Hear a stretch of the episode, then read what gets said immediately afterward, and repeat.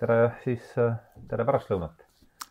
et äh, eetris on taaskordne Tähenduse teejuhtide vestlusring, järjekorras on ta meil siis nüüd saja teine ja töö pealkirjaks võiks olla võtteplatsi, võtteplatsi laienemine, sest äh, äh, see on nüüd viies koht, kus me, kus me oleme jõudnud. esimene, hakkasime me pihta Tartu Raadio Kuku stuudios, siis tegime pikalt Veereni tänava Tallinna stuudios. siis kolisime EBS-i Lauteri tänava stuudiosse. ja vahetult, mis see võis olla, mingi kaksteist märts või millal me tegime siis, kui oli Kuku raadio veel kinni, siis tegime Mihkli toas ühe saate David Hilmar Beacheri ja, ja Mihkliga Moby Dickist ja nüüd oleme siis äh, sisepoolas jah, nüüd oleme Poola lipuga kaunistatud metsatalus, et. Eesti sisepoolas jah, Eesti sisepoolas jah. kõik, kes teavad midagi metsataludest ja, ja, ja, ja, ja Poola lippudest, teavad, et selliseid kohti on siin lähima mm, miljoni miili, miili ulatuses ainult üks ja et me oleme siis äh, tõepoolest külas Hendrik Linde puhul. ja, ja oleme äh, siis teiseks külaliseks on Mihkel ja, ja põhjus, miks me oleme siia täna kogunenud, on see, et jällegi niisugune põhjus, mis toob natuke mingid otsad kokku, sest meie esimene raamat, mis ilmus siis seltsisarjas, oli, oli Leszek Kolakowski naeruvääristatud Jeesus. täna me oleme Kolakowski juures tagasi, ilmus siis teine Kolakowski raamat. ja kahe autoriga on esindatud meie sarjas kindlasti Scruton. no Sheldrick on, tuleb ka teine raamat, aga ma ei teagi, kas, mul ei tulegi peale Scrutoni praegu kedagi ette. ei tule vist ette, jah. aga jah, et viimane raamat, mis siis nägi trükivalgust, on, on siis Leszek Kolakowski Müüdi kohalolu. mul on väga hea meel, et see raamat eesti keeles on ilmunud, aitäh sulle, Hendrik. Rõõm. et Kolakowski on jah, minu jaoks olnud üks südamelähedasemaid autoreid. ja temast on me, oleme me teinud ühe saate juba, jah, teine saade oli meil, oli Kolakowskis, kui olid külas Toomas Paul ja, ja Toomas Jürgenstein. kolm õpilast kandis siis pealkirja, see oli siis Naeruvääristajad Jeesusest. täna siis äh, nagu öeldud, Leszek Kolakowski müüdi kohalolu ja ole hea, Hendrik, räägi sina kõigepealt, kuidas see raamat sinuni jõudis ja siis räägime sellest, kuidas see, kuidas me selle saate vestluse üles ehitame. No see raamat jõudis minuni nii nagu kõik Kolakowskigi, et äh, Kolakowski on üks mu kindlasti üks lemmikautoreid. see on juba viies raamat, mille ma olen tõlkinud ja, ja siis teine raamat. viis Kolakowskit, jah? Vii-, viis Kolakowskit jah, kokku, et mini, revolutsioon, küll mini, mini miniloengud, mida küsivad meilt suured mm -hmm. filosoofid ja, ja siis mm -hmm. kaks Edmund Burke'i seltsisarjas ilmunud. kolm tükki on avat-, kolm tükki on avatud raamatus, eks? avatud Eesti raamatus, jah mm. -hmm. ja raamatus on siis niimoodi, et kõigepealt on kümme esseed tsivilisatsioonist ja kultuurist, mis on ilmunud tuhat üheksasada seitsekümmend neli kuni kaks tuhat viis ja siis teise poole raamatust äh, moodustab äh, tuhande üheksasaja kuuekümne kuuendal aastal kirjutatud Müüdi kohalolu mm, -hmm. mis pidi esialgselt nagu Poolas ilmuma Tšetelniku kirjastuses, aga kuna tollal oli Kolankovski juba enam-vähem nagu avaldamiskeelu all, siis noh, nagu kuigi lepingud olid nagu tehtud, venitati ja venitati ja lõpuks noh, välja ei antud.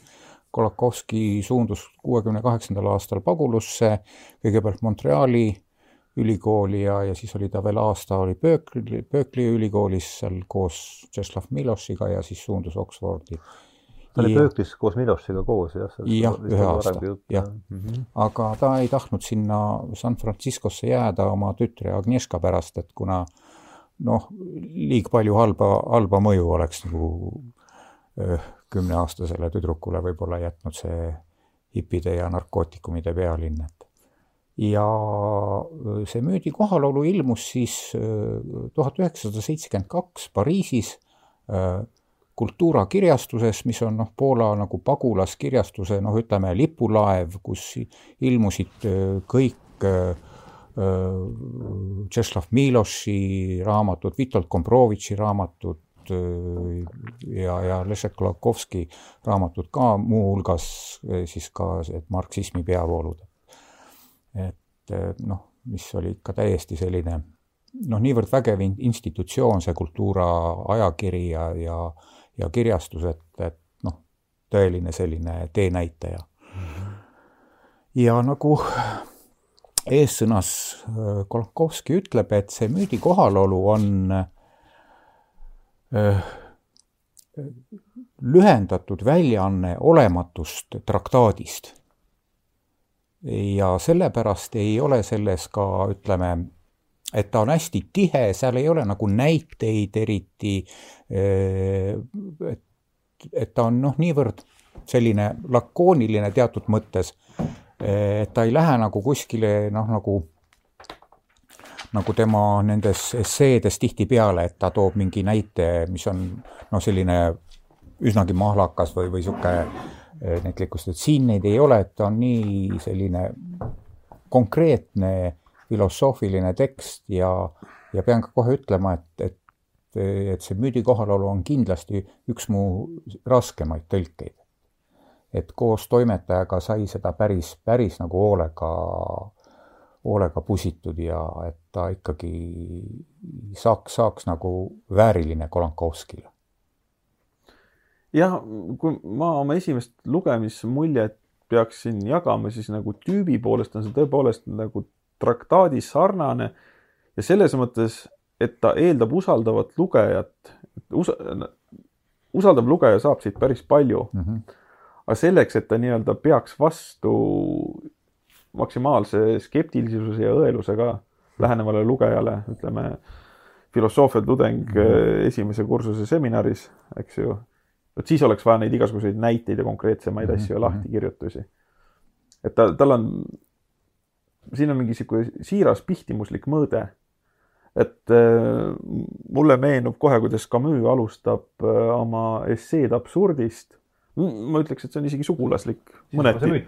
ja jah, et, et need on sugulaslikud tekstid, nad on mõlemad siuksed üsna eksistentsiaalsed ja räägivad inimese kohalolu avastamisest.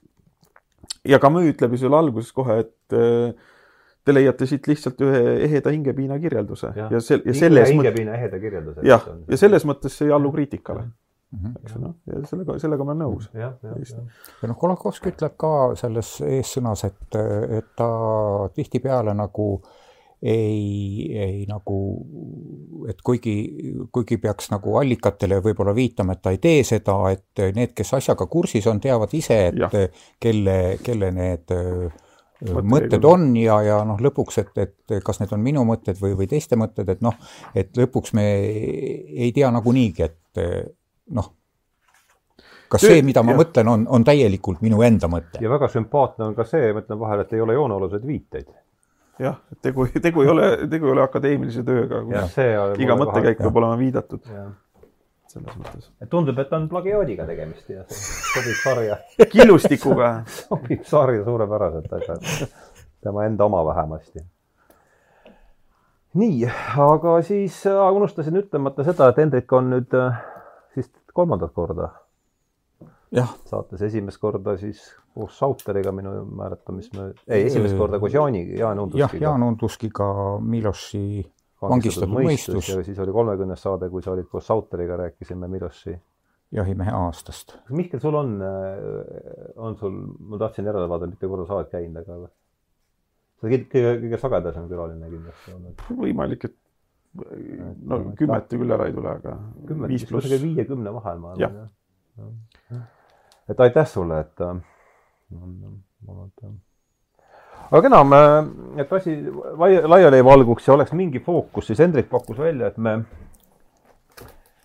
et me keskenduksime siin ühele siis äh, konkreetsele, konkreetsele esseele, mis on siis omakorda osa sellest, Hendrik küll selle struktuuri luges ette, et see on siis tõepoolest essee kogumik, mis koosneb kahest osast. kõigepealt on siis siin kümme esseed tsivilisatsioonist ja kultuurist. Ma loen ette need esseede pealkirjad. Fabula Mundi ja Kleopatra nina, teine on barbarite otsingult kultuurilise universalismi illusioonid, kolmas kaotatud side, neljas vihakasvatus, väärikuskasvatus, viies utoopia surma ülekaalumine, kuues intellektuaalid, seitsmes, kas ajalooline inimene on surnud ja kas me peaksime teda taga nutma, kaheksas vastutus, üheksas mõistusest ja headest teistest asjadest. Ja kümnes inimesed on head ja siis äh, poole sellest, umbes poole raamatust võtab siis äh, enda alla seesama lühikokkuvõte olematust traktaadist, jah ja. mis siis on pealkiri Müüdi kohalolu. ma loen ka selle siis ette, need on ka oma siin umbes kümme no., kümmekond, äh, kümneks väikseks osaks on ta vist liigendatud siin, et eessõna, sissejuhatavad tunnusjooned, see on siis müüt. Me võiks tegelikult müüdist üldse rääkida veel enne, jah. ta alguses ütleb ka, et ta ei defineeri müüti. Mm.. aga no me enda jaoks võiks olla, aga ma loen selle ette. Et sissejuhatavad tunnusjooned müüt epistemoloogilises raamistikus, ma ei, jah, ei, müüt väärtusmaailmas, müüt loogikas, armastuse müütiline tähendus, müüt eksistentsvabadus, müüt ja looduse juhuslikkus, maailma ükskõiksuse fenomen, müüt valuvaigistite kultuuris, müüt kindel ja kõikuv ja järeldus. Et äh, ja me siis leppisime kokku, et me keskendume, valisime siis siit nüüd äh, konk-, see, mida me siis siin täna hakkame põhjalikumalt arutama, on, on siis tagant neljas maailma ükskõiksuse fenomen, see võtab siis siin raamatus on ta, võtab enda alla viisteist lehekülge, koosneb omakorda veel üheksast osast. et hakkaks seda siis siin niimoodi selle pakkus Hendrik välja. ja, ma küsiks, et miks sa selle, miks sa selle äh, just võtsid? ja meil, siis oli jutt ka, et selle me avaldame seltsi kodu, kodulehel siis ka. Äh, no see tundub mulle nagu selle müüdi kohalolu üks nagu selliseid olulisemaid ja, ja, ja vähemalt tänapäeval rohkem kõnetavaid äh, osasid just mm. -hmm. miks? no just seesama, see maailma ükskõiksuse fenomen, mis on siin päris kenasti lahti kirjutatud, mis aitab nagu mõista natukene seda maailma ja, ja, ja seda müüdi, müüdi tähtsust praeguses maailmas mm. -hmm. et seda enam, et ma nüüd elan viiendat aastat siin metsatalus ja äh, ja kuidagi selline hoopis teine nagu ellusuhtumine ja, ja maailma nägemine on nagu tasapisi nagu sisse imbunud selle, selles müütilises keskkonnas elamisega, et mm -hmm.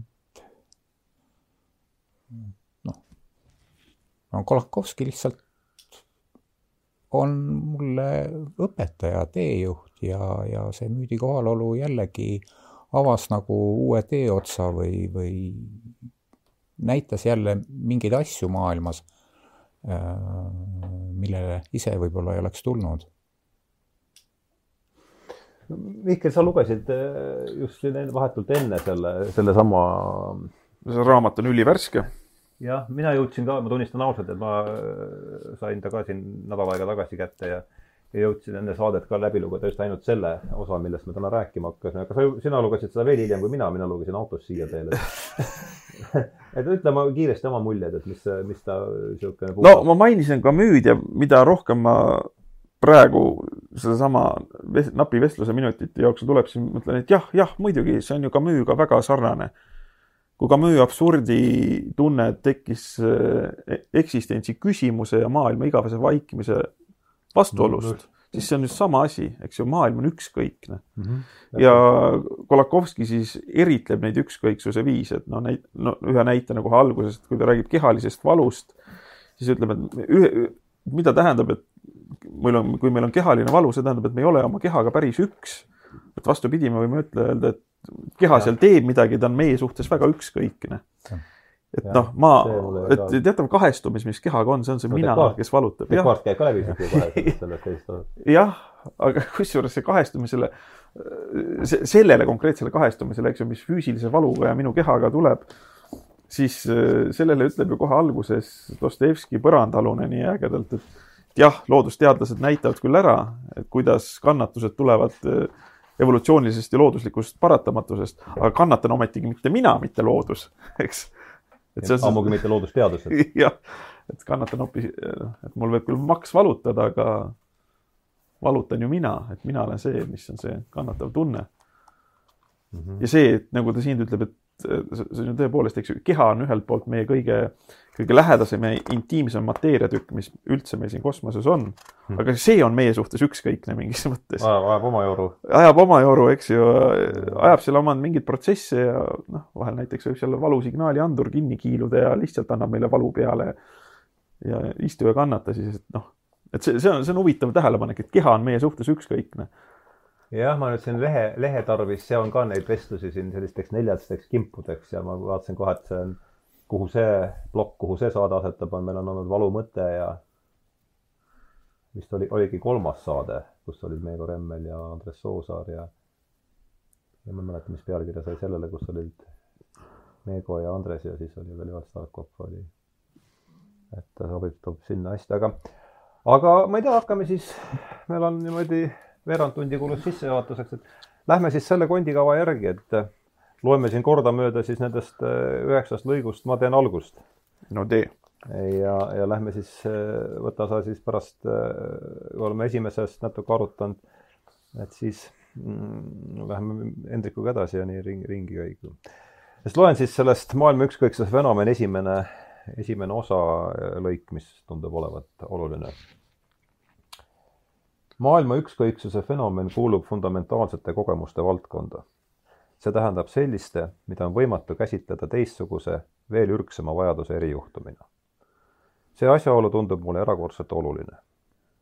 tõsi, võib pidada teatud süvapsühholoogia paljustavaid, paljastavaid nähtusi ürgsemateks ja seega ükskõiksuse kogemist nende tuletiseks et näiteks regressiivne hirm, mis tekitab igatsust looteseisundi, ema kaitsvasse üsasse tagasipöördumise ja elu eest vastutusest täieliku vabanemise järele. et just see, et just see paneb maailma kogema ükskõiksena. samamoodi võib järeldada, et surmainstinkt, soov lõplikult maandada orgaanilise elu faktist tulenevad pinged, selgitab pilti, selgitab pilti maailmas kui ükskõiksest.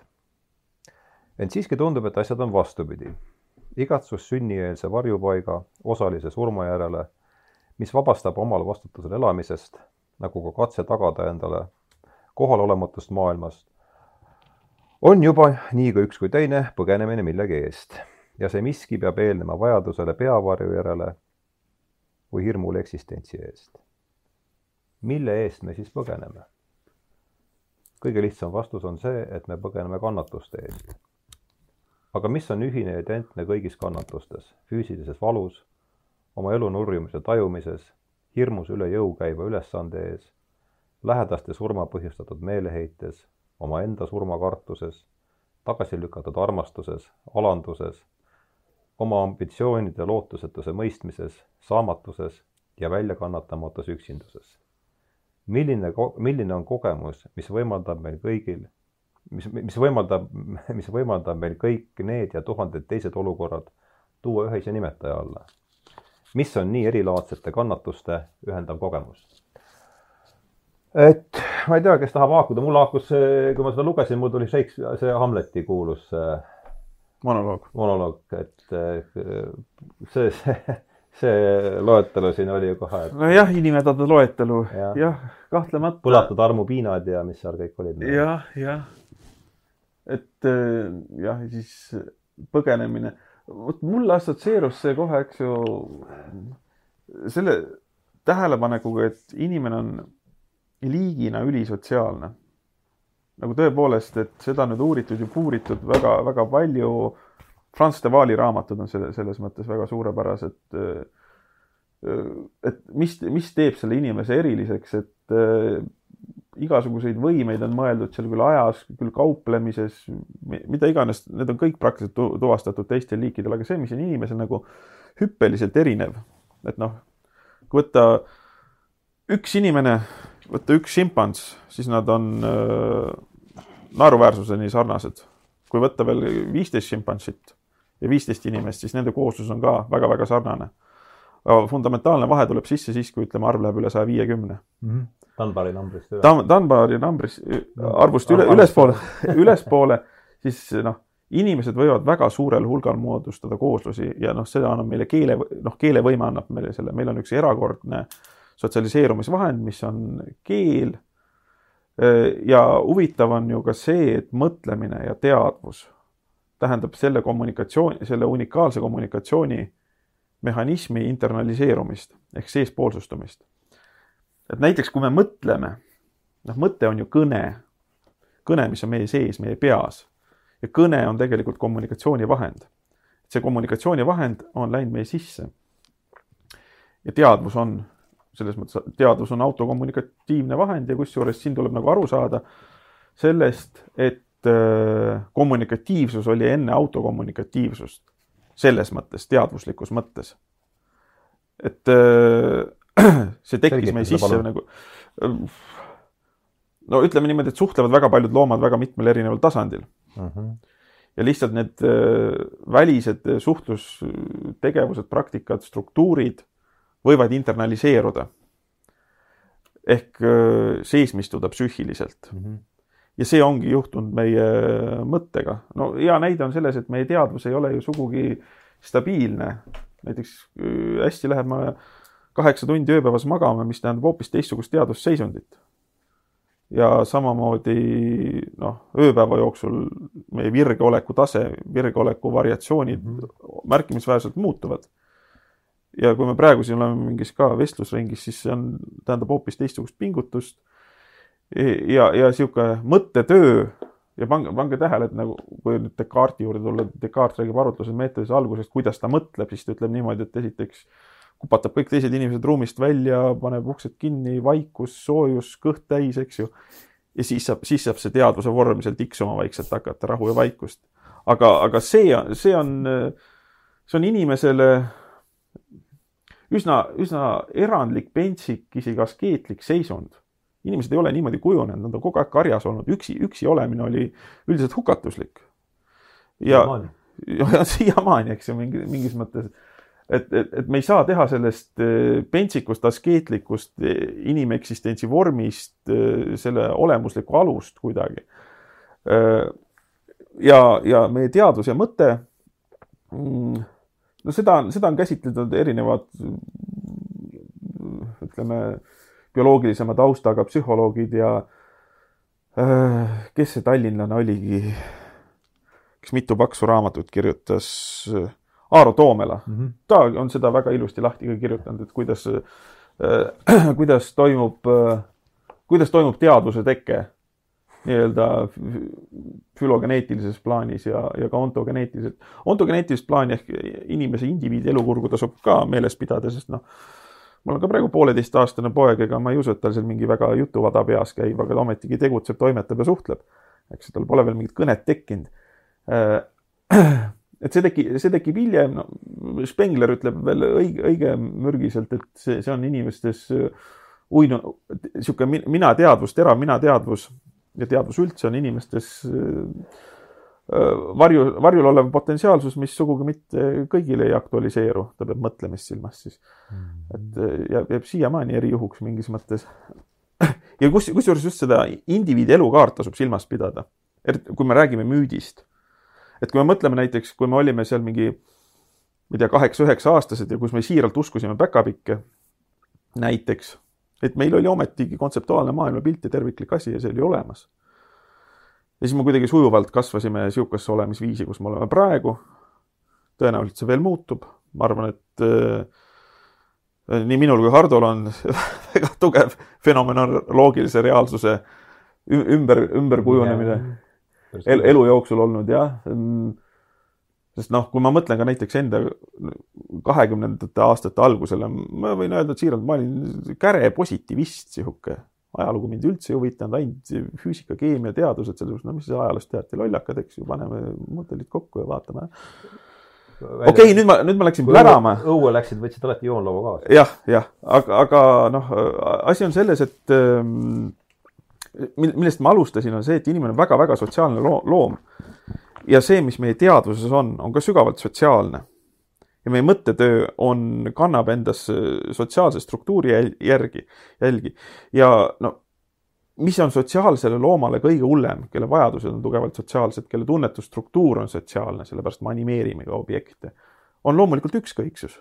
kui kari ei tee tast välja hmm.. mulle tuli näiteks meelde, et. kas siis sa oled, siis ma olen nagu ka, ka karjast välja visatud, kui kari must välja tee. et äh, näiteks William, William Jamesil, kes oli ääretult briljantne psühholoog äh, ja ka eksistentsialist ja filosoof, ütleb ühes kohas, äh, see on psühholoogia printsiipides, et, et kui me tahaksime ette kujutada kõige õelamat ja jõhkramat karistust, mis inimesele võib välja mõelda, tema ütleb siis seda psühholoogilise fenomenoloogia pealt, on siis see, et mitte keegi ei tee tast välja kuhuga ta ei tuleks, kuhugi ta ei lähe, astub ruumi.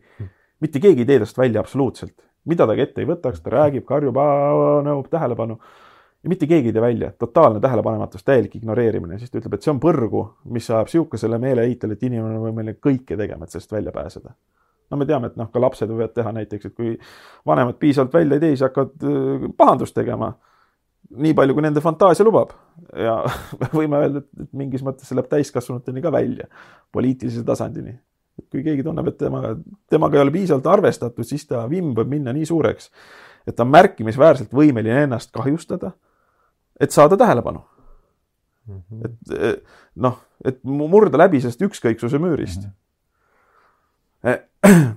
ja teine paralleel, mis mulle, mulle iseenesest siin, siin meenus, mis on sellega lähedases suguluses on Richard Rorty, kes on siis pragmatismi, võiks öelda, taaselustaja, eks äh, William Jamesi traditsiooni väga noh, okei okay,, sinna tuli seitsekümmend aastat vahele vähemalt hetk ja kus ta analüüsib äh, Nabokovi Lolitat. Rorty. Rorty analüüsib jah, seda, see on eesti keeles ka üheksakümmend kaheksa ilmunud, see on see sattumusrikkus, iroonia ja solidaarsus. ja ta räägib seal siis ütleb, et kirjandusteosed laad-, jaotuvad umbes ka laias laastus kahte lehte, osad tegelevad sotsiaalsete probleemidega, teised niisuguse eneseloomega. ja siis ta toob, noh, ta lähtub sealt teesist, et julmus on kõige halvem asi, mida teha võib. et julmus on nagu kurjuse kvintessents. siis Humbert, Humberti puhul toob ta välja siis, et tema kehastas ühte erilist julmuse vormi ja ta näi-, Lolita Aha. üks peategelane, see Humbert, Humbert, see pedo-, pedofiil, ütles, et äh, see, mida Nabokov seal väga hästi näitas, oli see, et äh, Humbert, Humbert oli esteetiliselt ülitundlik ja väga peene, peene maailmatajuga, noh, meisterlik poeet mm -hmm.. niisugune esteetiliselt väga rafineeritud. aga see ei vähendanud tema julmust. ja tema, tema julmus oli siis niisugune, nagu ta ütleb eriline julmuse vorm, millele Nabokov tähelepanu juhtis, see on uudusi, uudishimu puudus mm.. eks ju, see on siis nagu võiks öelda suunatud ükskõiksus. uudishimu puudus. et äh, Humbert Humbert oli väga tundlik ja tähelepanelik kõiges, mis puudutas tema esteetilisi, erootilisi kinnisobjekte. noh, näiteks Lolitat. ta oli seal noh, ülitundlik, tähelepanelik, eritlev, võiks isegi öelda empaatiline omal perverssel kombel. aga näiteks teda absoluutselt ei huvitanud, äh, mida mõtleb Umbert või selle Lolita ema. ta mõtles, et noh, see kurat segab see tädike seal, ma tahaks Lolitaga asju teha, aga segab. peaks ta kuidagi maha lööma või eks ju, ja mis pada ta ajab jälle noh, taandas mingiks mõttetuks vadaks, eks ju, keegi ajab seal mingit vada, aga tal puudus täielik uudishimu tema suhtes mm.. et mida see inimene mõtleb, mida ta räägib, mida ta tahab öelda, ei kõnetanud, eks ju, sihuke no see on mingi kaast-, kaastunde puudus või midagi sellist. no või... see on isegi suurema labidaga, igasugune uudishimu Mm -hmm. see lihtsalt nagu taandab asjaks, isegi mitte kaastunne ei ole no, sellega. las, vaata, mis Hendrik tahab selle kohta öelda, siis saame natuke. panin päris pika traktaadi maha, olgem ausad. anname teistele ka sõna. ja siis saame veel sel, sellel teemal, et see, just, kuidas sina seda maailma ükskõiksuse, sest see on nagu lähtekoht siin, et peaks nagu peaks kuidagi, et saaks ühele, enam-vähem ühele platsile alguseks vähemalt, et kuidas sa sellest maailma ükskõiksuse fenomenist aru saad oma sõnadega? no Mihkel tõi juba siin nagu need tähtsamad punktid välja, et, et me oleme sotsiaalsed olendid ja, ja kui, kui ümbritsev suhtub meisse ükskõikselt, siis, siis, siis see ongi nagu, see on painav, see on rõhuv. noh, õnneks, õnneks ehkki ma elan siin noh, üksi ja, ja külalisi käib harva, ei, ma ei tunne nagu seda ükskõiksust või, või noh, sest ma tõlgin palju.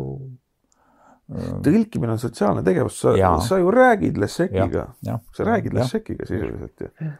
ja, ja samas isegi need, see tagasiside lugejatelt on üsnagi, üsnagi nagu elav. et, et noh, ma ei tunne nagu üksinda elades seda ükskõiksust, et see, see noh see ei ole nagu selles mõttes, et, et see ei, see ei paina, see ei rõhu mind siin üksinduses elamine. et aga see ükskõiksus on nagu jah, teistmoodi, et siin noh, teises peatükis ta käsitleb ju nagu peamiselt nagu seda surma, surmaga seoses, et, et, et see, mida me kardame, on noh, mitte see olematus, vaid just see ükskõiksus, et me oleme surnud, aga kogu maailm on tegelikult ju siis ükskõikne meie vastu või, või noh. ja, ja, ja samas seda oma surmakogemust me ei suuda ette kujutada ilma, ilma selleta, et me oleksime selle vaatlejad mm. -hmm. Et, see on noh, teatud määral nagu paradoks, et et meid ei ole, aga, aga me oleme samas selle vaatlejad, et see, see näitab veel, et see inimteadvus on, on siiski jah, vist midagi muud, kui on see loomadel, et et noh, kes neid nüüd loomi nii täpselt on uurinud, aga no see, see, see ole, olematu. Looma subjektiivsele kogemusele ei pääse ei ligi. Ei, selles mõttes küll, eks ju, see, see, see painav küsimus vist jääb selle, me iseendaga seotud, eks ju, sest noh, iseendaga me oleme natuke kuidagi teises suhtes. ja tõepoolest, eks ju, me tun-, me, me tun-, me oleme nagu vältimatult üks tunnetuse osapool ja siis me nagu üritame, me, meis jääb see tung alles tunnetada seda, kus seda ühte osapoolt ei ole. ja see on see arusaadav, see on see paradoksaalsus, eks ja. ju. aga tahe jääb. tahaks nagu mõista või lahti hammustada seda. Et, et see noh, see, see, see paine, paine on jah, et me tajume oma tunnetuses struktuurset puudujääki, aga küsimus jääb ometigi mm. -hmm. eks, küsimus jääb alles jah, mulle tuli ka see Camus, paralleel Camus sisestuse müüdiga on täiesti väga niisugune selge. ja teine asi, mis ma, kui sa rääkisid sellest samast, seal oli see, et teadvus on autokommunikatiivne vahend ja see on muutunud, et kõigepealt oli kõne teistega, siis ja, või siis, siis, siis muutus see kõneks iseendaga. siis, siis ta si muutub seesmiseks, eks ju. see, ometigi meenutame, olete Petersoni omal ajal seda palju kuulatud, et et ta ütleme, sadu miljoneid aastaid oli ainukeseks võimaluseks välja selgitada, kas mul on õigus, kas ma eksin või mitte midagi teha. ja kui ma surma sain, siis ma järelikult eksisin et see oli ilmselt seda enne, kui see, see dialoog muutus mm, -hmm. siis välisdialoog muutus sise, sisedialoogiks. ja, ja siis ta tsiteeris tavaliselt Popperit selle peale, et mõtte, mõtted on nagu meie avatarid, et jah, ma saadan avatari ees. välja, et mõte saab surra äh, ilma, et mina peaksin seda surema, see oli nii sest jah, meelde jääb niisugune mõte. sest noh, see on nagu Tetrise mänguga, eks ju, võib-olla teate, need klotsikesed kukuvad. ja kui me vaatame, kuidas inimene mängib või no me ei pea seda mängu võtma või kuidas normaalne inimene üldse mingit praktilist asja teeb, kasvõi lõhub puid. ta ei pane niimoodi pakku ja siis ei hakka mõtisklema, ta proovib, takerdab siit, takerdab sealt, eks ju kui ma midagi ehitan, siis ma nokerdan, siis ma nagu, eks ju, vaatan seda väljas ja proovin. nagu Tetrise mängus, eks ju, ma keeran seda klotsi aktiivselt, mitte ei mõtle ennem pealt välja, mis pidi tuleks klots keerata ja siis liigutada. no see, mille Bergson ütleb, et meie mõte on valatud teovaluvormi või midagi sellist, see oli väga ilus äh, poeetiline kujund minu meelest selle jaoks, mis sa. Haakub sellega, ma kujutan ette. ja, ja, ja, ja kusjuures, kusjuures veel see, et äh, kui me oleme nii-öelda müüdilises osas, osadluses, ma ütleks, et äh, meie mõte ei ole veel abstraktne reflektsioon ei ole müüti suretanud, siis see meie tunnetusele omane sotsiaalne aspekt projitseerub ka asjadele. no animism on iseenesest suurepärane näide sellest, et me vaatame kõiki suhteid primaarselt sotsiaalsetena mm. -hmm. vaatame kõiki suhteid primaarselt sotsiaalsetele. kui sa oled kodus, siis kodu tähendab sellist. ühesõnaga, me laiendame oma karjakogemust kogu sellele, kogu komplile. jah, jah. see on, eks ole, see, mis sisuliselt animism on. ja me solvume asjade peale, tolmuimeja ei lähe seekord tööle, me anname talle jalaga. eks me võib-olla isegi karjume ta peale. kuvarid. on tehtud. on tehtud, eks ju kui arvuti ei tööta nii, nagu me tahame, me anname talle vastu vahtimist, see tähendab tehtud. vastu kuvarit, eks ju. mitte isegi ei ürita seda menetleda talle seda mõtlega kasti, aga me noh, niisugused meie spontaansed käitumised on sotsiaalsed ja, ja analoogiapõhised. ja kodu on see koht, kus meil on tuttavad asjad. ja selles mõttes, et kui sa oled hea tervisega inimene, siis noh oh, minu vana hea kirves, sellega ikka tuttav ja kodune, ta ei ole võõras. et objektid animeeruvad. see on üks, see on mingi viies-kuues peatükk, kus ta räägib asjade kaudu selle ükskõiksuse ületamist, see on iseenesest, sellest võiks ka veel eh, jahvatada siin terve saate. aga, aga ma ei tea, kas lähme järsku edasi ah,, ma tahaks ühe asja siiski küsida enne, et noh, ka siin viimasel, mulle tundub, et see võib olla seotud, seotud natuke sellega, et sihukese viimasel ajal on sattunud ette niisugune sõna, just ka seoses selle panpsühhismi, animismi ja kõige sellega, see tavaliselt nad seda esitavad selle prantsuse keeles, et particip-, participatsioon müstiik või midagi sellist, et või kuidas sa seda üldse eesti keelde tõlgiksid? ja mis sisu see, kumb teile mõlemale, et, et müstiline osadus või? no jah, müstiline osadus ilmselt, eks ole jah, et see on see, kus, see on see lähtepunkt, ma kujutan ette, kus siis kas see on, kas see on see koht siis, kus on, ütleme, üks võimalus seda selle jutu ajamise taustal mõista on, see on see, kus sisekõne pole veel tekkinud või? kuidas sa sellest, ma ei tea, kuidas no,, kuidas sina sellest aru saad äh,? lihtsalt äh.... no vaata, selle mm, oma selles essees Intellektuaalid äh, Kalankovski räägib just sellest äh, nendest kolmest kommunika-, inimeste kommunikatsioonivahenditest, et võim raha ja sõna. et mis on nagu korraldanud inimühiskonda ja, ja, ja näiteks, et raha, mis oli algul nagu vahendusvahend, on muutunud nagu, tähendab ise kaubaks või, või tähendab täiesti iseseisvaks väärtuseks ja, ja sama on juhtunud ju noh, võim, iseseisvus juba ammu enne või tähendab ja, ja sõna samamoodi, et, et algul oli ka sõna oli nagu vahendusvahend ju. et et, et hiljem ta muutus nagu. jah, niisugune mingi seesmine abstraheerumistung on inimeses ja. küll, mitte kasvõi tung, vaid võimalus ja see. oli see võim, raha ja sõna või? jah mm -hmm.. vabandust. ja et no niisugune ronimine järgmisele abstraktsustasemele, millega käivad kaasas omad, omad tagajärjed või muudatused, on see, eks ju, kui sõna on ka järjest abstraktsemaks muutunud. no nagu mis ja mis vaikselt nor normaalne karjasuhtlus muutub järsku metafüüsikaks, eks ju, mis, mis tähendab seda, et kogu aeg see mingi kommunikatiivne tegevus on läinud järjest abstraktsemaks. ja no suhtlused Jumalaga, palve, kontemplatsioon, need on ju see, et see suhtluspartner on üldse ära abstraheeritud sealt lõpmatuseks, võiks öelda, või mingisse koondpunkti, millel polegi keha enam midagi, midagi jah, midagi, sellist. aga kui see kommunikatiivsed praktikad, eks ju, loomulikult on kehakeeled. vot siin on äh, tants ja muusika. vaata muusika, me saame aru, et me, et seal on mingi vähemalt tugev sugulus kommunikatiivsusega. kui me räägime kommunikaare, eks ju, ühte saama, siis muusika ju sulatab ka ühte. aga seal, seal me ei tunne, et nagu muusika puhul oleks veider mõelda, et ma annan oma info või tunde ops-ops sulle üle. mõtete puhul seda metafoorikat kasutatakse mm. -hmm. mul on üks mõte siin peas, ma proovin seda väljendada ja siis see peaks ideaalis sulle ka pähe tekkima. muusikaga sihukest asja ei ole, eks ju.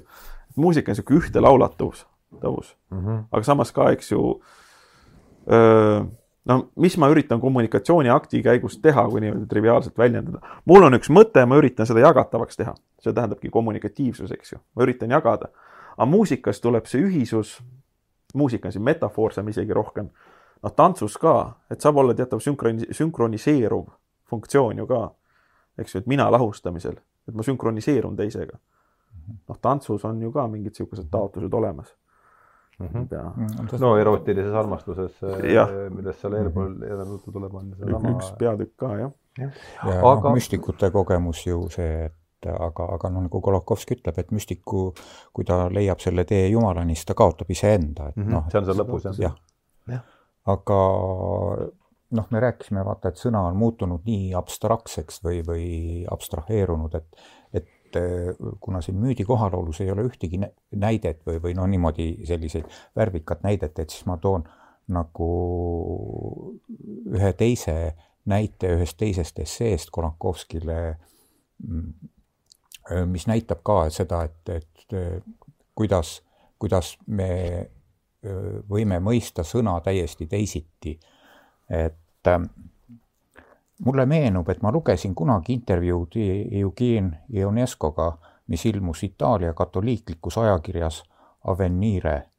Ionesco ütleb seal, et on absurd nimetada tema teoseid absurditeatriks, sest nendes on alati asi Jumala otsimises. see pani mind imestama ja ma tahaksin, et keegi seletaks mulle ära, kuidas leida Ionesco tükkidest Jumala otsimist, sest mulle tundub, et see on võimatu ülesanne. aga me peame uskuma kirjanikke, kirjanikku, mitte omaenda muljeid. mis see, mis see sees oli? see on mõistusest ja teistest äh, asjadest.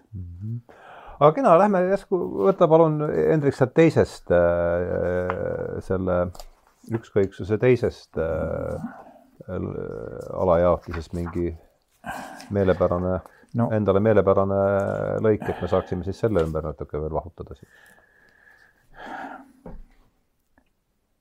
Et siin on just see, et äh, siin ta räägib sellest füüsilisest valust, millest me juba natukene mm -hmm. rääkisime, et, et kõik elu negatiivsused on seletatavad kui ükskõiksuse valulikud ilmingud. et äh, no siin oli pikalt jah, sellest valust. et valu füüsiline, meist, meid jah. kahestab või näitab meie kahestumist. et eh, vastupidi, see valu paljastab mulle selle võimaliku võõruse, selle alistamatu suveräänsuse. kaheks jagunemise tundes, mis füüsilises valus tekib, on maailma ükskõiksuse fenomen kõige valulikum, sest puudutab seda maailma, seda maailma fragmenti, mida ma olen harjunud kogema kõige intiimsemana, kõige vahetumalt. kõik meie võitlused inimese lihalikkusega on katsed taastada totaalne samasus oma kehaga. katsed kaotada keha ükskõiksus minu suhtes, taastada esmalt minu ja keha vahel sõbralik usaldus ja lõpuks tagada täiuslik koos eksisteerimine. valu lakkamine on kehasse naasmise kogemus. päris hea.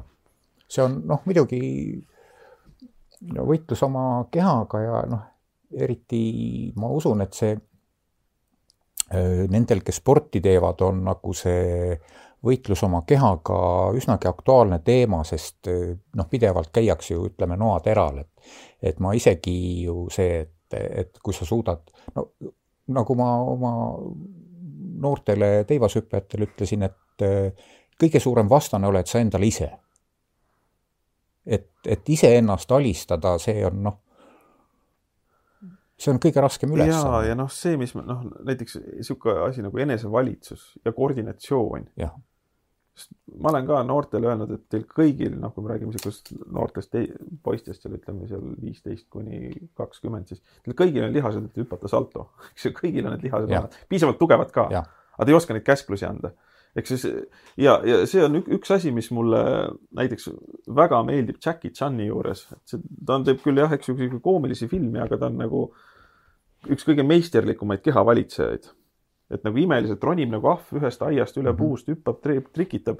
et me, me saame vähemalt sellest aru, et, et kehas saab olla täiesti erineva võõrusastmega ja valitsusastmega mm. Mhm. -hmm. siis näiteks üks kogemus, mida mul viimasel ajal paraku esineb, on see, et sureb ära mõni käsi näiteks, uneaeg, ja siis ta muutub täiesti võõraks, sihuke lõts, lõts, see on õudne isegi. või, või kirjutamine või mingi, mis, mis tahes liigutamine, tants kasvõi või mille vastand on kohmakus, mis võib ju kohutavalt marru ajada, kui sa oled kehaliselt kohmakas, üritad midagi toimetada. eriti kui oled olnud, oled olnud niisugune noh, pusserdad. osav enne ja siis muutud kohmakaks, jah, eks ju, igasugused halva, halvatustega seotud mm -hmm. närvid või insuldiga, eks ju, et see on ju noh, kus inimesed räägivad seda kogemust. tundsin, et ma olen oma kehas vangis.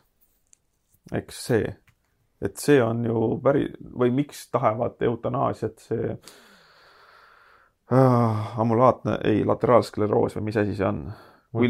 skleroosis multiplex. mitte skleroosis multiplex, vaid see li, li, Eestis oli ka üks juhtum, kui inimene noh, täiesti tahtis seda eutanaasiat ja läkski Šveitsi eutanaasiat tegema, mis on see progresseeruv haigus, kus tõesti keha muutub vaikselt halvatuks ja sa jääd lõpu, noh, ja sa sured selle läbi, et sa lõpus kops ka ei hinga, eks ju, sa vaikselt lämbud ära oma keha sisse su, su keha muutubki järjest vaikselt võõramaks, et see on nagu päris ehk siis maailm, mille hulka kuulub ka su enda, mille maailm, mille hulka kuulub ka mu enda keha, muutub minu suhtes järjest ükskõiksemaks. jah, et see on nagu, ta on, keha on niisugune ebatäiuslik lii-, liides mm. -hmm. ja ta noh, vananemise kaudu tõenäoliselt hakkab järjest rohkem no, ükskõiksemaks muutuma. ma ise ju kogesin seda neli aastat tagasi väga teravalt, kui mul oli see Guillain-Barré sündroom Aha, jah, ja olin Tartus haiglas ja sain seda plasmafereesi ja, ja mis mind terveks tegi. see on just see haigus, et mis algab kätest ja jalgadest, noh, liikuvus kaob, need noh, muutuvad nõrgaks ja kui ta lõpuks nagu kopsu jõuab, siis lihtsalt on ainuke asi, noh, hingamisaparaat, et see on õnneks väga väga harv haigus, aga, aga jah, et, et see on ravitav, aga see oli tõesti niimoodi, et paari nädalaga oli nii, et, et ma trepist sain üles nii, et, et noh, pidin käega käsipuust tõmbama mm,, et ja, ja noh, nagu ahjupuid tõin umbes, et kolme halu kaupa tõin üles, noh, kõik, aga, aga see noh, raviga viie päevaga oli nagu täiesti okei okay,, aga, aga täiesti see, et noh, et kas see on minu keha nüüd, et ma mhm. alles, alles tõin nagu palke metsast välja turjal ja, ja, ja noh. jah, keha muutub võõraks. aga no ikkagi see tabamatu mina, mida ta siin siia jutumärkidesse toonud, et. no see on ju tabamatu on ju noh aga, aga samas me saame nagu aru ka, millele ta viitab see, aga jällegi analoog, analoog, analoog. ja teaduslikult siin läbi ligi ei saa, et meil puudub ühik minasuste mõõtmisteks või sellega, et see on see kommunik-, kommunikeerimatu. joonlaud ei aita siin. joonlaud siin ei aita jah, et et selle, sellega, aga, aga jah. aga kannel on seda tõhusam siis? seda tõhusam on kannel jah ja ma mäletan nagu ühte niisugust ahhaa-momenti, no mitte ahhaa, vaid see oli pigem õudusmoment, et kui ma oma seal positiivismi tugevamatel päevadel mõtlesin ka, et eks ju noh, elu on ju väga imeline, eriti kui keemiast alustada, et küll läheb keerukaks üks aineline protsess kätte ära, küll läheb keerukaks iseenesest. kui me vaatame, eks et on siis noh, kuskil seal maailmaruum, ühe tähe ümber keerlevad siis niisugused planeedikesed, sealt kolmandal planeedikesel läheb hirmus vingeks käärimiseks ja järjest suuremad ja keerulisemad, no väga hämmastav, eks ju, kui keerulisi protsesse annab seal kokku keevitada, mida me eluks nimetame, aga siis see, et osad need keerised, mis sealt ainest tulevad, et need nagu hakkavad valutama. ja tegelikult mitte keegi ei hooli, eks ju, see on täiesti iseeneslik protsess. et see on nagu päris õudne küll, kui sealt nagu võõrandalt kõrvalt vaatad. et lihtsalt järsku mingi osa elutust mateeriast hakkab valutama kuskil et kui me piisavalt kauge perspektiiviga vaatame täiesti ilmalik materiaalselt, just see ju juhtuski. et äh, ühel planeedil tekkisid valutavad kohad. lihtsalt ta oli päikesel mingi vastavalt sobival kaugusel. ühel planeedil tekkis ridamisi valutavaid kohti, et me, kui me vaatame sealt, kitsendame seda perspektiivi veel, et ühel planeedil tekkis järsku see, mida me siit konna perspektiiviga nimetame holokaustiks või gulagiks et niisugust päris kaugelt füüsikalist, keemilisest perspektiivist on ju päris õudne, eks ju. no mõtle ka see, et katseklaasi vedelema kuhugi aknalauale või küünla lähedale ja sinna tekib mingi väike piinlevad täpid sisse sellises skaalas. ja noh, jah, ei, ei hooli mm. -hmm. no aga ma ei tea, kas äh, Läheme edasi, siis kui jääb aega üle, siis saame muidugi kokkuvõttele võtta sealt kolmandast palun midagi, ma vaatan juba neljanda koha pealt midagi midagi valmis, üks ta niisugune ju no kolmas on see omaenda surmaeelaimus ja, ja muud mm. -hmm. oota, ma vaatan kohe kolmas. ma tegin siin märkmeid ka ju. ahah, jah, siin ta räägib ka, et äh, jah, surma eelaimdus ja ta ütleb ka, et noh, ta räägib ka lähedaste surmast, et äh, miks on äh, miks on kogemus lähedase inimese surnukehaga nagu nii noh, kas kummastav või võpatama panev on see, et ühelt poolt me samastame seda inimest selle, sellega, sellega, kes, kes ta meie jaoks oli. teisalt on seal, sealpoolne täielik ükskõiksus. et ta ei, ta ei vasta meile enam mitte kuidagi, et ta on nagu totaalselt ükskõik ja see tekitabki õõva, õõva ja õudu. siis on, et kus ta ütleb ka, et selle surmakogemuse ja nägemisega seal on täiesti paratamatu, halastamatu ja pöördumatu ükskõiksus. Iseenesest. Ja no kui me vaatame ka nii-öelda kultuurilukku tagasi, siis äh, ah, siin mul tuleb, siin tuleb mulle meelde ka äh, Carl Sagan, eks ju, kes on niisugune väga võitlev antiklerikaal ja kes on kirjutanud, et teadus kui valgus pimeduses ja teemonite vastane asi ja ütles, et kui ta ema suri, et siis ta oli ka mõnda aega usklik, selles mõttes see, sest see kogemus oli lihtsalt mm -hmm. nii talumatu, eks ju, et sa, sa, sa ei saagi enam mitte kunagi suhelda. siis ta võttis ka selle klõp, klõpsu välja, et noh, e, siis, siis sa ei saa, et, et kui see noh, kui sa ei suuda leppida sellega, et kellega sa oled harjunud nii kogu aeg suhtlema pikalt, et, et nagu ülim mitte üks, ükskõiksus, siis muutub täiesti totaalselt pöördumatult ükskõikseks. ja see tekitab nagu õudu.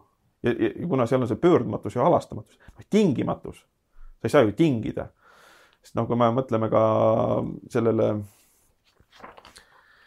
äh, mudelile, kerr või parv või mis ta oli, see leinafaasid, siis seal on ka, et ma ei mäleta, kas teine või kolmas faas oli tingimine.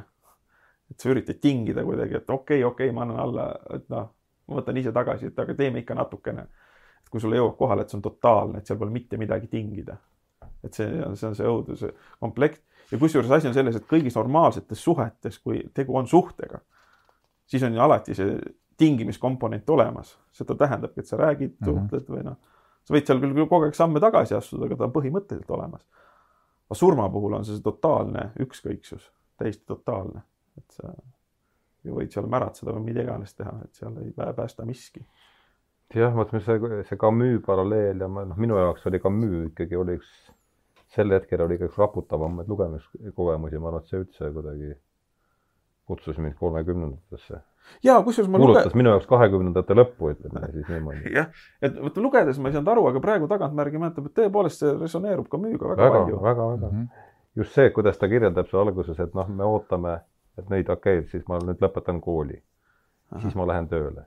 siis ma võtan, ootan seda, siis ma võtan naise ja, ja lähen abiellu, saan lapsed ja aga et noh, kõige lõpus on ju suur lõpp. et aga mm, mis siin siis kolmandas siis toimub? ütleme no ma, ma natuke refereerisingi, kus ta ütleb, kus ta analüüsib ka, eks ju, neid nii, nii surmakogemust, eks ju, kui lähedase surmakogemust mm, -hmm. ta mhm. lihtsalt eh, näitlikustab teesi, et selle aluseks on see samamoodi see ükskõiksuse fenomen, mis meid seal kohutab. ja iseenesest see, see sobib ka selle asjaga, mis ma alguses välja ütlesin, eks ju, et me oleme sügavalt sotsiaalsed ja meie teadvus on sotsiaalne ja kui ta kohtub siis totaalselt mittesotsiaalse fenomeniga, siis ta hirmub. meie tunnetu-, me -hmm. meie tunnetuse sotsiaalsus või sotsiaalne tunnetus meil muud tundub, et ei olegi. sellepärast me ka animeerime asju. vakatab selles õuduses. -hmm. see ongi see tummus, eks, ka, ka, ka müü mõttes. nojah, ja see haakub, ütleme, see ükskõiksus see nüüd hakkab ju, kui me läheme juba siis võtame Sisyphose müüdi sisse, siis on ju otseselt võõras. et meie valu hakkab sellest, et me tunneme ennast võõrana selles. ja, ja kusjuures vaata, võõr, võõrus, võõrus jääb isegi väheks, kuigi see on nii, nii ideaalne mm -hmm. mõiste, sest võõr, võõras tähendab äh, sotsiaalse suhte ühte äärmuslikku vormi, eks ju, on ju võõras no,. kui inimene on võõras. oled veel maatriksis. jah, sa oled veel maatriksis eks ju, kui keegi inimene tuleb külla näiteks või Camus'l on ka see romaan Võõras mm, -hmm. eks ju, siis on, sa tunned ära, et ta on inimene, ta, aga et ta on inimene, aga ta on võõras inimene, aga siiski inimene ja see on potentsiaalselt kommunikatiivne. aga see eksistentsiaalne võõrus on niisugune totaalne blank, et sinna ei pääse ühegi sotsiaalse konksuga taha. vot see äratundmine. siin on üks lause, mis nagu sa räägid kolmandast? ja, ja et oma surma eelaimuses muutub maailm justkui sünnikoduks, mis ühel hetkel ei tunne enam oma last ära. ja see ettekujutus, et maailm meid ei tunne, annab tähenduse meie surmahirmule. aga peatume sellel korral, sellel laul, mis, kuidas sa oma surma eelaimuses muutub maailm justkui sünnikoduks, mis ühel hetkel ei tunne enam oma last ära ma näen jälle siin metafoori, eks ju, et noh, sünnikodu, noh, kodu üldse, kodu tähendab ju mm -hmm. nii-öelda müüdilise tähendusena miski, mis, mis on kõige sotsialiseeritum, kõige turvalisem, kõige suhtlevam. ja siis üks hetkel on see turvapaik. jah, ja siis mm -hmm. üks hetkel on see läbi lõigatud. et äh, nojah, totaalselt läbi. vaata, see on muinasjuttudes on see selline korduv motiiv, kui keegi on läinud kuskile võõrsile ja, ja tuleb tagasi ja oma nagu koju ja kodu ei tunne teda ära või tähendab, et kas on mm -hmm. aeg muutunud täienda, täiesti teiseks või, või noh, et noh, et selline motiiv on nagu muinasjuttudes üsnagi nagu selline see on see Joeli luuletuses on see keharas kuusest on järel vaid känd või midagi, mida ja. me, me. jaa. jaa mm. -hmm. maailma ükskõiksuse fenomen ei ilmu kusagil mujal kui sellises küla, külastuses. kuna surma lõpmat-, lõputu privaatsus kujutluses läbi tunnetatakse mm. -hmm.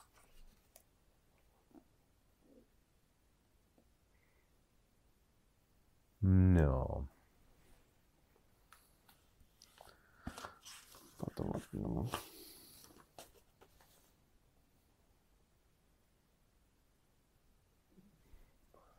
seevastu ükskõiksuse fenomen on maailma kõige olemuslikum tunnus. aga jah, see annab inimese, see nüüd haakub sellega, mis siin meie ümber eh, toimub, kui nüüd natuke sõnastusega varieeruda. seevastu ükskõiksuse fenomen, mõistetud kui maailma kuditas, see on siis ladina keeles, vaatasin ka siia tuleb ka, on see defineeriv või kõige olemuslikum tunnus annab inimese püüdlustele ühise tähenduse, mis ongi just see lakkamatu võitlus ükskõiksuse alistamiseks. noh, ja siit see neljandaga ta läheb edasi, tehnoloogia, see, see sõna või see väljend, mis mulle siin väga meeldis ja mis mulle mateeria kodustamise projekt. jah, see, see meie metafüüsiline projekt, mateeria kodustamise projekt, et seeläbi, et me loome üha selliseid tõhusamaid hingamisaparaate, sellega me siis äh, justkui noh, alistame selle ükskõiksuse, mis, mis no, on. jah, see on sihuke, eks, eks see nagu ta ütleb ka, et see on sihuke poolkõva, sest see ei tee koduseks, me lihtsalt hakka, hakkame teda valitsema. ja me, me tunneme, et me ei ole nagu seina vastas, vaid me oleme nagu asjade vastas. ja see tundub nagu nõksake parem, et kui me saame liigutada seda mingit asja, siis see on nagu oma keha laiendamine val-, valitsusvõime, eks ju, aga aga nagu ta ütleb ka siin, et see, see, see sellest äh, võõrustundest ei päästa. sest noh, asjad on tuimad. see, et äh, asjad on alati nagu sõjasaagiks, mitte, mitte, mhm. mitte, mitte sõbrad ja vennad, eks, jah ja. ja.. kuigi jah, ka, ka, ka no, ka viirusega jah, siin, kus need tegevused käivad. kusjuures seda on ka öeldud, noh et see on ju, see on ju noh, okei okay,, see läheb võib-olla natuke liiga, liiga teoreetilisse semiootikasse, eks ju, kus äh, immuunsüsteem, mis peab kogu aeg tegelema ka oma võõraga, mis võib vahel, mm. vahel nässu minna, eks ju, et need on mingis mõttes sügavalt äh, ökosemiootiliselt või kommunikatiivsed mm. asjad. enamik bakterid on meie sõbrad, nad annavad meile vajalikke virgatsaineid, isegi sünteesivad meie sees mikrobioomis ja nii edasi, et mõni patogeen läheb järsku vahel käest ära. Äh, ja siis on vaja välja treenida meie immuunsüsteem, et ta teeks oma võõra eristust mm. -hmm. ja muidugi minu arust kõige huvitavamad on autoimmuunhaigused, kusjuures no, seesama sündroom. Guillain-Barré sündroom on autoimmuunsus, jah. jah, kus äh, minu arust see on nii huvitav, kuna immuunsüsteem on meie kehas üli, ülirafineeritud ja ülipeeni, keerukas süsteem, mis tegelebki kõige fundamentaalsemalt oma võõra eristusega. ja autoimmuunhaigused. omasid ära enam. ei tunne. et läheb midagi nässu, eks ju. probleem on see, kui ta ei tunne võõraid piisavalt tõhusalt Friendly ära. Fire on selle kõrval siis see Jah. ingliskeelne. jah, ja kus, kusjuures siin tasub meeles pidada, et immuunsüsteemi asi on see, et noh, me võime öelda, et ta peab kogu aeg tulistama. et see on relv, mida ei saa välja lülitada. ja kui ta võõraid ei saa, tuumaelektrijaam. jah, kui ta võõraid ei saa tulistada, siis hakkab ta iseennast tulistama Jah..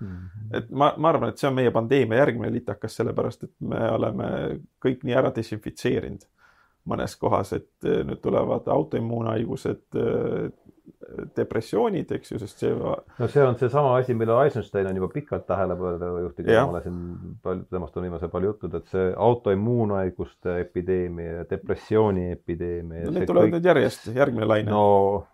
mina ütleks pigem niimoodi, et see, no see, kus mina aru saan ja see, kuidas mina aru saan, see ei pruugi ei ole tegelikkusega täp- nagu pistmist olla, aga et see pandeemia on selle depressiooni hoovuse niisugune lihtsalt pinnavirvendus. noh, mina no,, minu arusaamine kipub pigem sinna kanti. ma ütleks, et nad, nad on äh, ilu, ilusti põimitud, et kord üks peal, kord teine, üks võimendab teist ja, ja, sellepärast, et noh, nüüd, nüüdne desinfitseerimismaania, ma arvan, et ta annab omakorda veel ühe võimenduse sellele järgnevale depressiooni ja rasvumise, autoimmuun ja allergiate lainele. kas sa lugesid see, seda, seda kroonimist või?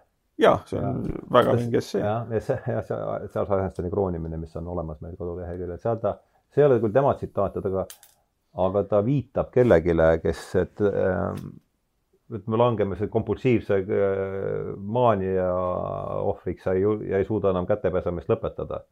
ja mul tuli meelde see, kus äh, Solženitsõni Gulagi arhipelaagis on mingi partei koosolek, kus siis plaksutatakse ja aplaus ei lõppegi. ja ei lõppe ja ei lõppe ja see kestab. keegi ei julge lõpetada. keegi ja, ei ja julge. see kestab tund või paar ja siis üks jättis, jättis pooleli ja siis rahunes saal maha. ja pärast oli uurija, siis mõned kuud hiljem, et ärge kunagi lõpetage, ärge kunagi lõpetage plaksutamist esimesena oli see, sihuke paralleel tekkis, kui ma lugesin seda mm, kroonimist, mida ma väga soovitan. siis me, Helmut Pööki kord seltsi kodulehel lugeda. suurepärane essee tõesti. aga Hendrik, sa oled meil siin jutu osas jäänud vaeslapse ossa, et kas sa tahad selle kolmanda, kolmanda osas veel midagi lisada, kui me läheme neljandaga edasi? no positiivsema poole pealt ma siit lõpust loeksin, et see ei tähenda loomulikult, et iga meie kogemus ilmutaks meile maailma ükskõiksust. me teame ju kõik, et me elame ainult tänu sellele, et meie kohatud inimesed ei ole ükskõiksed. tänu solidaarsusele, usaldusele, armastusele, sõprusele. Maailma ükskõiksuse fenomen ilmutatud kui tervikuomadus ei tühista, ei käsi põlastada ega pidada näiliseks inimeste kooseksistentsi hoolivaid variante. see iseloomustab üldse Kolakovskit, et ta ei kaldu äärmustesse ja, ja ei lase tühistada neid vastaseid, et ta alati tuletab meelde, et on et ära mine liiale ka selle Ja, järeldusega, ära ei võta seda järeldust üksinda. Et kõik need muud, noh, see, no sellele, see, see on üks väga hea laia, laiade teadmiste mm -hmm. ja haritlase tunnus no no,, eritleb, et ei tühista ühte. tihtipeale tema nagu need esseed ongi üles ehitatud sellele, et kõigepealt tees, siis antitees ja siis on see kuldne kesktee, et on nii seda kui teist. ja võrratus stiilis jah, stiilis just. ja mille Hendrik on suutnud säilitada. aitäh. noh, nii on, nii on. nii on. Aga lähme siis neljandaga edasi. siis on, vaatame, mis meil siin olemas, mul on umbes tu-, siin tuleb asjade juurde siis minna. jah, loen siis ise siit. seepärast esmalt kohkunud füüsilise maailma ettenägematusest, milles me tajume seda ükskõiksust, avastame hiljem sedamööda, kuidas alistame selle kapriise samasuguse või veelgi valulikuma ükskõiksuse maailmas. oi kurat, mul läheb siin see mõte sassi praegu. Okei okay,, võtame siit järgmise lause, sest seda ma ei loe praegu kokku. tundmatu maailm võib olla hirmuallikaks, aga samamoodi võib seda olla ka liiga tuttav maailm, mis kulgeb meie plaanide kohaselt. meie kurtmine masinatega täidetud planeedi dehumaniseerimise pärast, meie haledad pagemised metsiku looduse aina vähenevatele kaitsealadele väljendavad lüüasaamist, mille toob inimkonna eks-, tehnoloogilises ekspansioonis sisalduv metafüüsiline projekt, mateeria kodustamise projekt. jah, teemegi siin pausi. see on nagu päris, minu arust see on väga elegantne, et inimkonna tehnoloogilises ekspansioonis sisalduv metafüüsiline projekt, mateeria kodustamise projekt, et jaa, see, see on nagu väga ilu, ilusti öeldud, muidugi see oht, mille eest ta hoiatas, see meenutab mulle, kuidas Turovski sõnastas ka teistel liikidel ühesõnaga on samamoodi, et et on ka kahte laadi põrgut, et üks laadi põrg on see, kui kõik on täiesti võõras mm -hmm. ja mhm. teist laadi põrg on see, kui kõik on täiesti kodune. noh, et ma arvan, et see äärmuslikumad näited sensoorsest deprivatsioonist, kus inimene pannakse täielikku vaikusesse kehas, kehatemperatuuriga vette, täielikku pimedusse ja sellisesse olekusse, et ta on kaalu-, noh, ühesõnaga soolvees, mis on keha, keha tisedusega, ta õljub, siis, siis on päris, pidavat olema päris õudne kogemus. mis ometigi võiks ju olla läbi kõige lähedasem sellele emaüsas olemise. jah. ma, ma ei tea no peaks olema jah. peaks olema, eks. no aga seal ei ole seda emaga sidet nähtavasti, siis see ja mingi, jah, ja mingi ja. noh, ema, emaga on vähemalt mingid tuksumised ja süda, südame. ühine, ühine vibra. jah, ja kusjuures seal on ka see surve, surve ema, ema, see surve on, sest ma tean, et noh, väikse, päris väiksele lapsele meeldib ka surve. kui sa seota kõhu peale, siis ta magab hästi nende asjadega aga nüüd läks mujale, jah, see tähendab mat-, mateeria kodustamine, see on jälle, eks ju, mõtlen, et me saame aru, kus see tekkinud on. et noh, tööriista kasutus ja sealt tuleb positiivne tagasiside, sa saad aru, eks ju, mingi asi, tegeled sellega.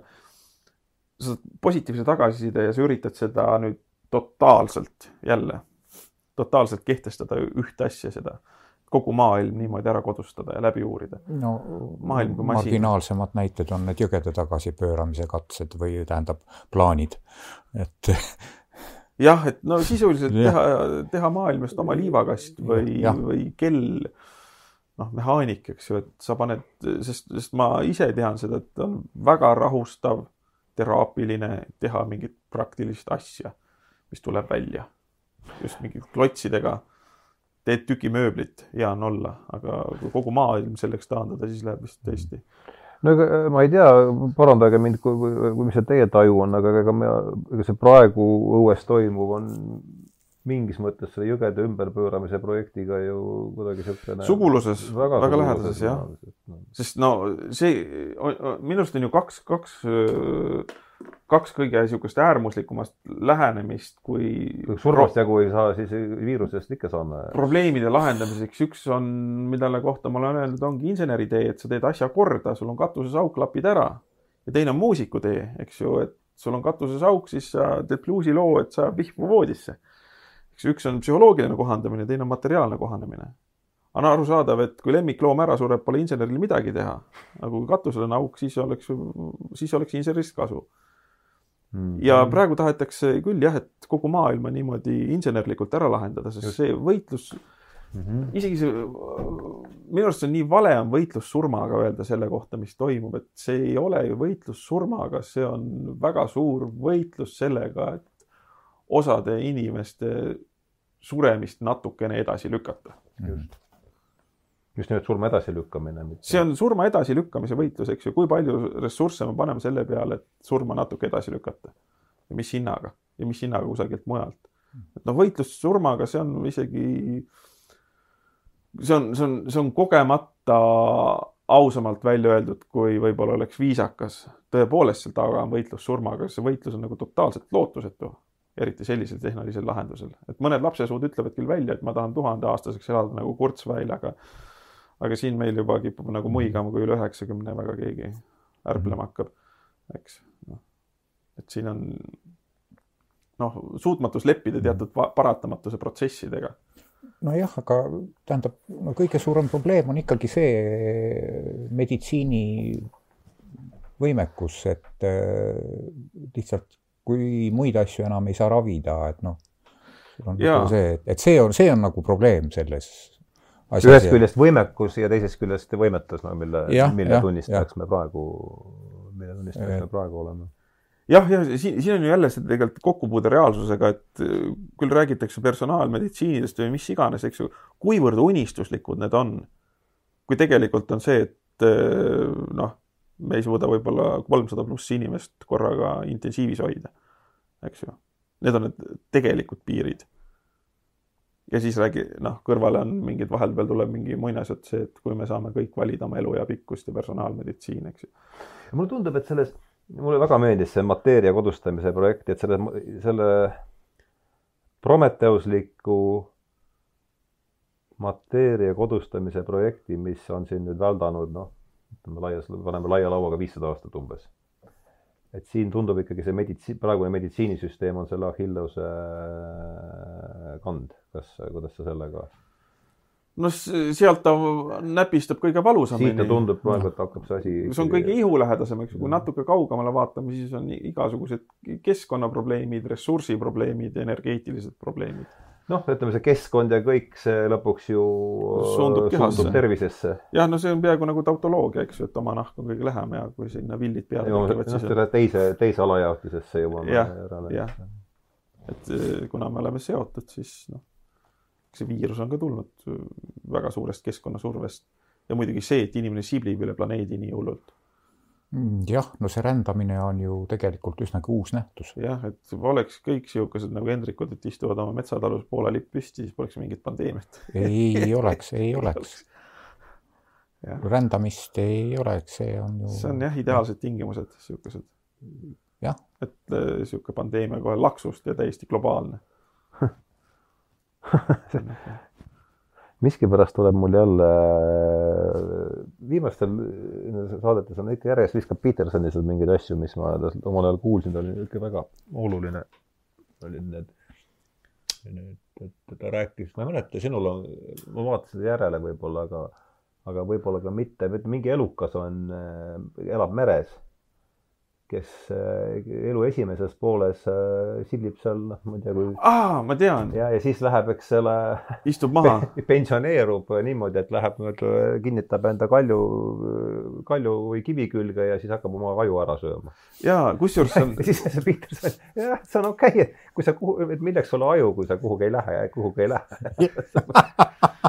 ja, ja kusjuures see, eesti keeles on see meritupp. Jah, täpselt. see on meritupp ja kusjuures Uku Masing mainib seda ja kusjuures ta mainis seda õudusega. ütles, et kui ta esimest korda kuulis meritupest ja selle elukäigust, siis teda valdas õudus, sest see tundus liiga sarnane nii paljudele protsessidele, mis toimuvad inimkonnas, eks et, et noh, et noh, taandareng on evolutsiooniliselt täiesti võimalik ja isegi soositud teatud juhtumitel Mhm.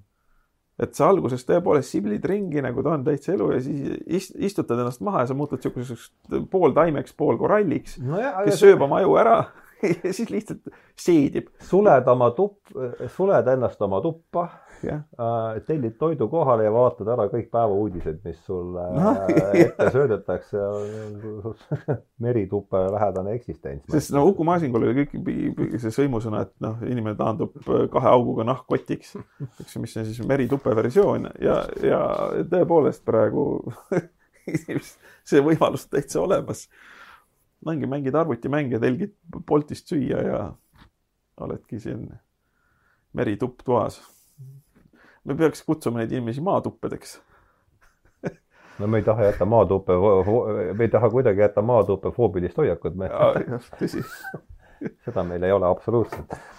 aga ma ei tea, kas protame edasi, see on täitsa niisugune lustakas jalutamine. viies ah,, Hendrika kord. see on niisugune hea lühike. Mis me ta, mis ta meile siin räägib? no siin on just see, et me proovime maailma ükskõiksust ka teistmoodi alistada, läbi asjade omamise iha omastamine peab mm -hmm. kindlustama, et asjad läbi erilise, minu poolt ühemõttelise allutamise kaotavad oma ühetaolisuse, omandavad sellesama püsivustunde, mida ma tunnen iseenda suhtes, kui ma olen ulmelise ettekujutuse vallas, et ma olen iseenda omandus.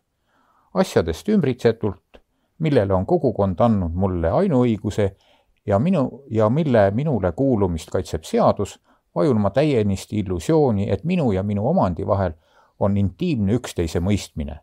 et ma hõlman neid ja paigutan nad individuaalse eksistentsi väljale, kus langeb nendelt materiaalne kest ja need paljastavad poolinimliku võime minuga vennastuda. Aga jah, et ta ütlebki, et see asjade omaksvõtmise lootuse lüüa saamine on hullem ja sada korda degradeerivam kui mu rahel, kui mu rahulolematus tehnoloogiliste edusammudega, nii et noh. Et.... siin, siin jah, ta hoiatab selle eest, et no oht taanduda omatud asjade summaks. ja, ja, ja, ja siin see jälle muidugi see antitees on siin, kus ta tuletab meelde, et äh, sellel ei ole midagi ühist lapsiku moraaliga, mis põhineb põlgusel argielu mugavuse vastu iseenesest, eks ju, et mm -hmm. mitte põlgus argielu mugavuste vastu, vaid see, et sa ei muutu kompulsiivseks ah, ahmijaks. sest see, mis siit välja tuleb, on jälle, et, et noh, lõppeks on asjad mhm. ükskõiksed. et see on see asümmeetria, mida sa, mida sa kokku kuhjad ja, ja, ja mm -hmm. nad ei ole ka asjad, ei ole su vennad. et noh, omamine no, see, omamine on ju üks isegi primitiivne vorm äh, allutamisest. Eks ju, kui insener veel allutab ja proovib seal liigutada, et see võib-olla isegi on suhtlevam vorm. et kui sa proovid seal mingi oma aiakärule rattakesi alla panna, siis sa nagu tegeled temaga, aga kui sa lihtsalt omad, siis see on nagu veel, veel vähem. et sealt no, see passiivsus tuleb rohkem no, see, sisse. see on üks nagu versioon sellest on see ostumaania või ostlemise mõnu jah. võime öelda, et eh, noh, kui kommu-, kui suhtluses on, eks ju, üheks komponendiks see, et sa pöördud kellegi poole, ütled, et tere, see on pool suhtlust. asja omamine on ka nagu pool suhtlust. ja asjade omamine on siis selles mõttes suhtluse ühe poole, ühe komponendi sellisel määral vohamine, et see üritaks asendada terviklikku suhtlust ühesõnaga, et kui sa oled väga üksinda, siis sa ütled miljon korda tere ja mõtled, et see on suhtlus. Aga miljon korda niimoodi, et sa vastu ei kuule. selles ma võib-olla sellisesse kujundisse võtaks mm. kokku selle, selle paradoksi, mis siin taga on. või luhtumise, see pole paradoks, see on luhtumine. et äh, asjade omamine eesmärgiga ületada maailma ükskõiksus on selles mõttes luhtuv ta muidugi eritleb seda siin kuidagi palju nõt-, nõtkemalt. arusaadavalt.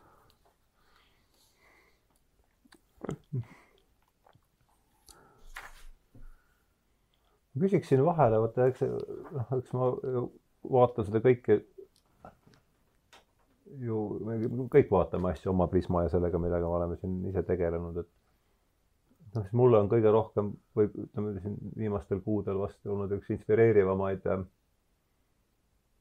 mõtlejaid on olnud seesama Charles Eisenstein, kelle nimi on siin paar korda läbi käinud, et see ja, ma arvan, et see haakub päris tugevalt selle, sellega, mis, millest Kolakowski siin kirjutab, et, et just see lause, et no tema selgitab asja niimoodi, et see, mis praegu siin õues, õues toimub, on Äh, kontrolli ideoloogia siis niisugune. ekspansioon. jah, kontrolli ideoloogia lõpukrambid. Äh, noh, see ma panin ise siin värvi juurde, aga et kontrolli ideoloogia rajaneb müüdil meie eraldatusest, et et noh, siin tuleb see müüdi, müüdi mõõde sisse. ja, ja noh, tema tema mõte on siis see, et täpselt, et kui me tahame siin kuidagi niimoodi jätkata, jätkata, et siis me peaksime vahetama selle eraldatuse müüdi uue müüdi vastu, mida tema ütleb, see on siis keskne mõiste on seal interbeing, et kuidas, ma viskan selle lihtsalt vahelduseks sisse, tundub natukene haakuvat selle jutuga, et kas tahab siin keegi no, Descartesi nimi käis siit läbi, see teises osas, no Descartes oli jah, sihuke insenerliku vohamise alusepanija mingis mõttes või sümbolkulu vähemalt küll ja ta, tema empaatiapuudus on mingis mõttes legendaarne. see, kui ta ütles, et äh, tema laborisse ei või tulla keegi, kes ei ole suuteline oma koera jalaga lööma, selles mõttes, et see on apokriiva tõenäoliselt või on, või on see kusagil nagu kuule, ma ei mäleta ka, ärme- jah, ärme vahe, vahet ei ole, ärme aga takerdu sellest. sellesse ei takerdu, eks ju, sest noh, tema ütles. no midagi see ütleb niikuinii, et jah, et sa oled nagu nii range, et sa ei lase ennast niisugustest illusioonidest, et sa, sul on mõistuslik teadmine, et koer on masin ja sa ei lase endast selle eelarvamuslikult või naiivselt või sentimentaalselt selle kriginatest ennast välja viia. Ja kui ma praegu seda, seda kujundit tõin, siis ma mõtlesin, koer on väga hea näide, et miks inimesed kasutavad koeri. vabandust, kasutavad koeri, see kõlas jälle nii halvasti. miks neil on koerad, miks neil on nii head suhted koertega? koer on armastuse masin, nagu Hölbeck ütleb. eks ju, just sellepärast, et ta ei ole masin et ta rõõmustab su üle, eks ju, ta paneb oma pea sulle põlve peale ja vot seda siin Kolakovskil ei ole, lemmikloom, koera tal ei ole, näed, ma sain aru, ta ei käsitle koera, aga inimesed ju lemmikloomasid, üldse see lemmiklooma fenomen on väga hull. me saame aru, et elukaasast võtta on päris, sellega tuleb liiga palju komplikatsioone, et väga paljud loobuvad sellest. koerale saad jalaga panna. koeraga on nagu märksa, koerale sa ei pea jalaga panema, las jookseb õues natuke aega. Toomas Manni esimene novell pole mitte koerast. On küll, jaa. jah. Äh, ja koer käib üldse, no Ölbekil käib läbi, Tammsaarel käib väga palju läbi, Õnnepalul on väga huvitavaid passusi koerast, sest, sest ko koer on tõepoolest, eks ju, ta, ta, ta on väga sotsiaalne ja tal on mingid väga head sotsiaalsed soojad suhted, eks ju, see, mida inimene otsib. ja kusjuures näete, see ei pea olema sugugi verbaalne, koer ei räägi sinuga. vastupidi, see võib isegi pluss olla. et, et ta liiga palju ei räägi aga samas äh, ta on vahend üksinduse vastu. või mitte vahend, vabandust, ta on kaaslane.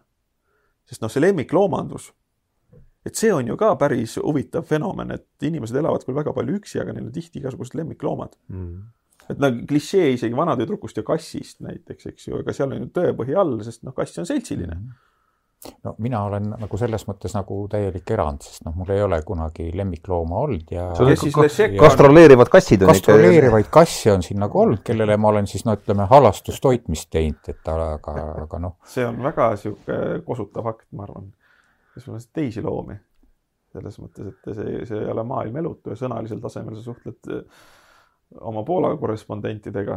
jah, jah, nad käivad, need kirjanikud käivad mul ikka unenägudeski Aa, tihti ja, ja see ja see näitab, millega see teadus tegeleb ju. jah, see, kuidas äh, Tšeslav Milos tuli mul unenäkku, võttis mul ümber õla kinni ja ütles, Hendrik, sa oled sõber Hmm. mul oli, mul oli ärgates selline energialaks, et noh, jah, nii et noh, ma ei ole üksi siin. No just, et seal, seal, millised kommunikatsioonivormid sul jah, jah, et mul on lihtsalt need kommunikatsiooni erinevates kihistustes ti- tiksuvad. teist, teistmoodi kommunikatsioon on nagu, aga aga jah, jah, see vot jällegi noh, see üks mõte viib teiseni, aga see oli see mõte, mis mulle jäi. Vot eelmises lehes oligi Merlin Sheldrake'iga oli intervjuu, eks see, kuidas ta võr-, võrdleb. Bertrand Russell oli Whiteheadi õpilane eks, ja Russell, seda ütles Whitehead, et Russell, et Russell sinu arvates sarnaneb maailm sellisena, nagu ta paistab meile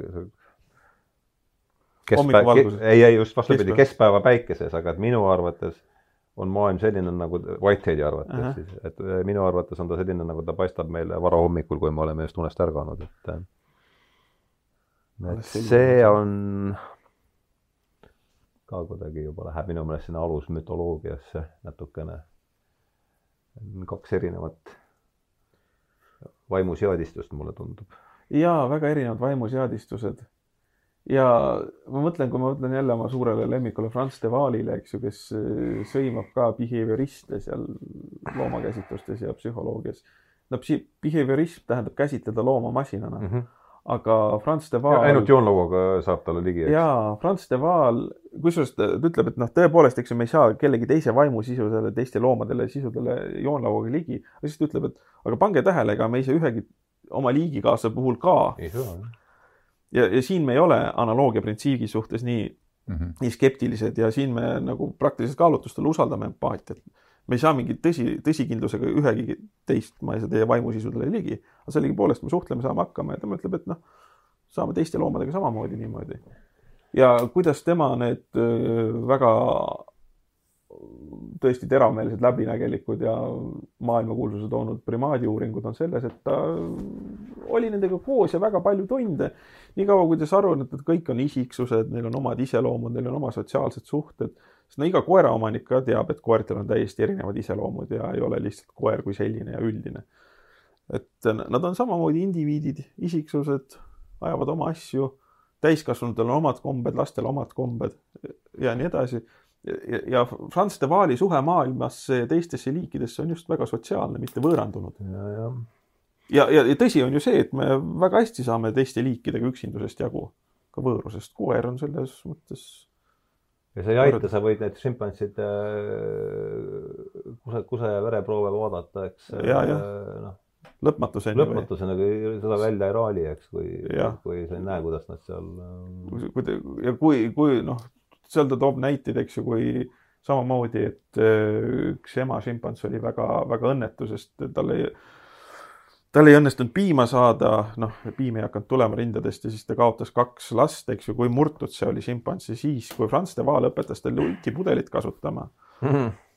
et see ema šimpans jäi talle nagu surmani truuks ja väga heaks sõbraks alati ja noh, et loomad on ka tänulikud ja neil on seal isegi kauplemisvahendeid on ja, ja maailma vanim elukutse on vanem kui inimliik ilmselgelt, mis puudutab puuviljadega kauplemist vastaval eesmärgil, et kõik aga me olemegi jõudnud äh, vastava eesmärgini ja äh, alapeatükk number kuus ja see, võta siit, vali endale. aa, vot, vot siin, siin oli, siin oli üks mõni... huvitav koht, ma ei tea, kas, kas me julgeme sinna minna, aga selle võib lihtsalt ära markeerida. me oleme ju vaprad äh....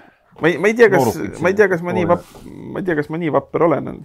mul on pregnataatori staatusele lähenev naine kodus ootamas ja ma ei, ma ei julge võib-olla ise seda lahata siin, aga no võtame. siin on, siin on, eks ta räägib seksuaalsest, üht, üht, seksuaalsest ühtesulamisest äh,.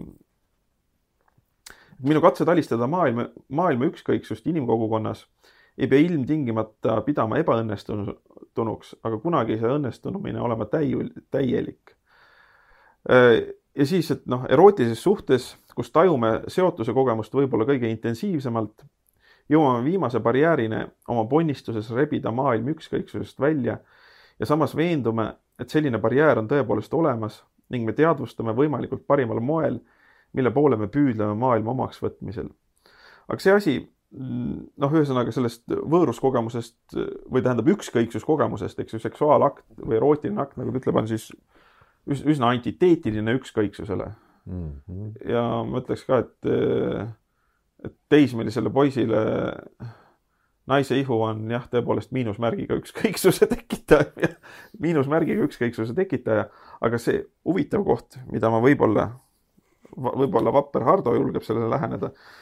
aga see on see, et. vaja minu vaprust äh, sedasama tasakaalu puudumist kinnitab arvatavasti asjaolu, et seksuaalse üksteise mõistmise saavutatav täius ei ole võimalik mitte seal, kus on rangelt vastastikuse iha vahetus, vaid seal, kus mõlemad pooled, mehelik ja naiselik, keskenduvad üksteise mõistmise kogemusele naise keha kaudu mm. -hmm. Kus siis naine oma andumist näitab keskendumisega oma kehale, mitte partneri kehale, vastupidiselt mehele. ühesõnaga, asi on siis, kui nii mees kui naine keskenduvad naise kehale. mina, mina ei kommenteeri seda, võib-olla ja ma loen siit see lõpu, et, et kogu müstika on pingutus ületada piiri, mis on kättesaadav ero erootilises kommunikatsioonis. pingutus hüljata oma võime iseend tajuda. Nojah, see on. see on väga huvitav. see ei ole ka üldse halb lause. ei ole jah, ma jäin ka mõtlema siia sest ma olen. see on see, mida sa just, järgmine lause on see, mida sa just enne ütlesid, eks. vabandust. et ma olen, ma olen jäänud mõtlema niisugused väga mingid intensiivsed ekstaatilised kogemused äh,, niisugused ühtesulamised, ma mõtlen, et mis siia juurde võiks niisugused üliintensiivsed mina kaotamised. ma kujutan ette, et mõni inimene võib öelda siin midagi laulupeo taolist mm. -hmm. Või mingid niisugused väga suured just. ühistunded ja võimsad asjad kuna ma ise ei ole nagu üldse laulupeo inimene, aga siis ma mõtlen, et vist seal midagi on et ma tean, et osad inimesed nagu täiesti, eks nad nutavad, seal on täiesti ekstaatilised ja niisugused mingid suured grupikohad, ma ei, nagu ei hakka eitama seda tunnet või selle tähtsust. või üks näide, mida ma olen ise toonud äh,, äh, vahel niimoodi küll keel põses natuke, et nagu naistel olen nii-öelda auditoorselt naistele, mitte nüüd ühele, kellelegi konkreetselt kunagi, et eks, et kas, kas te olete kunagi näinud, et mees käituks voodis niimoodi nagu näiteks äh, MMA võitlejad pärast õnnestunud matši, eks ju, kui ta suudab oma väga raske vastase võita seal. et tundub, et nagu see on totaalne ekstaasi kehastus. et nagu sihuke nagu pöörane mehelik ekstaas, eks ju, et ähm, et, et, et noh, mis jääb ka, et seal on ka need noh, muidugi inimene nagu, ta on nagu väga tõesti väga ebamugavas rea, reaalses ohukorras, mis ta on väga teadvustanud ja siis ta võidab oma tahtejõuga selle, eks ju. et neid niisuguseid teatavaid ekstaatilisi kogemusi, ma arvan, et see on mitmekesisem, et, et, et et siin on jah, niisugune koht, kus ma jään mõttesse, ma ütlen, ma jään nagu mõttesse kohe siis, kui ta Nendest aga ma ei vaidle, ma kindlasti ei vaidle temaga. nojah, see erootiline ekstaas või noh, see on, see on üks nagu niisuguseid olemuslikumaid ekstaasikogemusi või mis on nagu ka noh, kättesaadav üsna paljudele. jah, selles mõttes ta on nagu pigem demokraatlikum, sest ma mõtlen, noh, kui ma lähen nüüd kuidagi tuimalt fülogeneetiliseks, siis eks ju nii seks kui võitlus nii-öelda territooriumi kaitse, need on reptiiliaegsed pärandid, eks ju, inimese seljaajus, eks ju.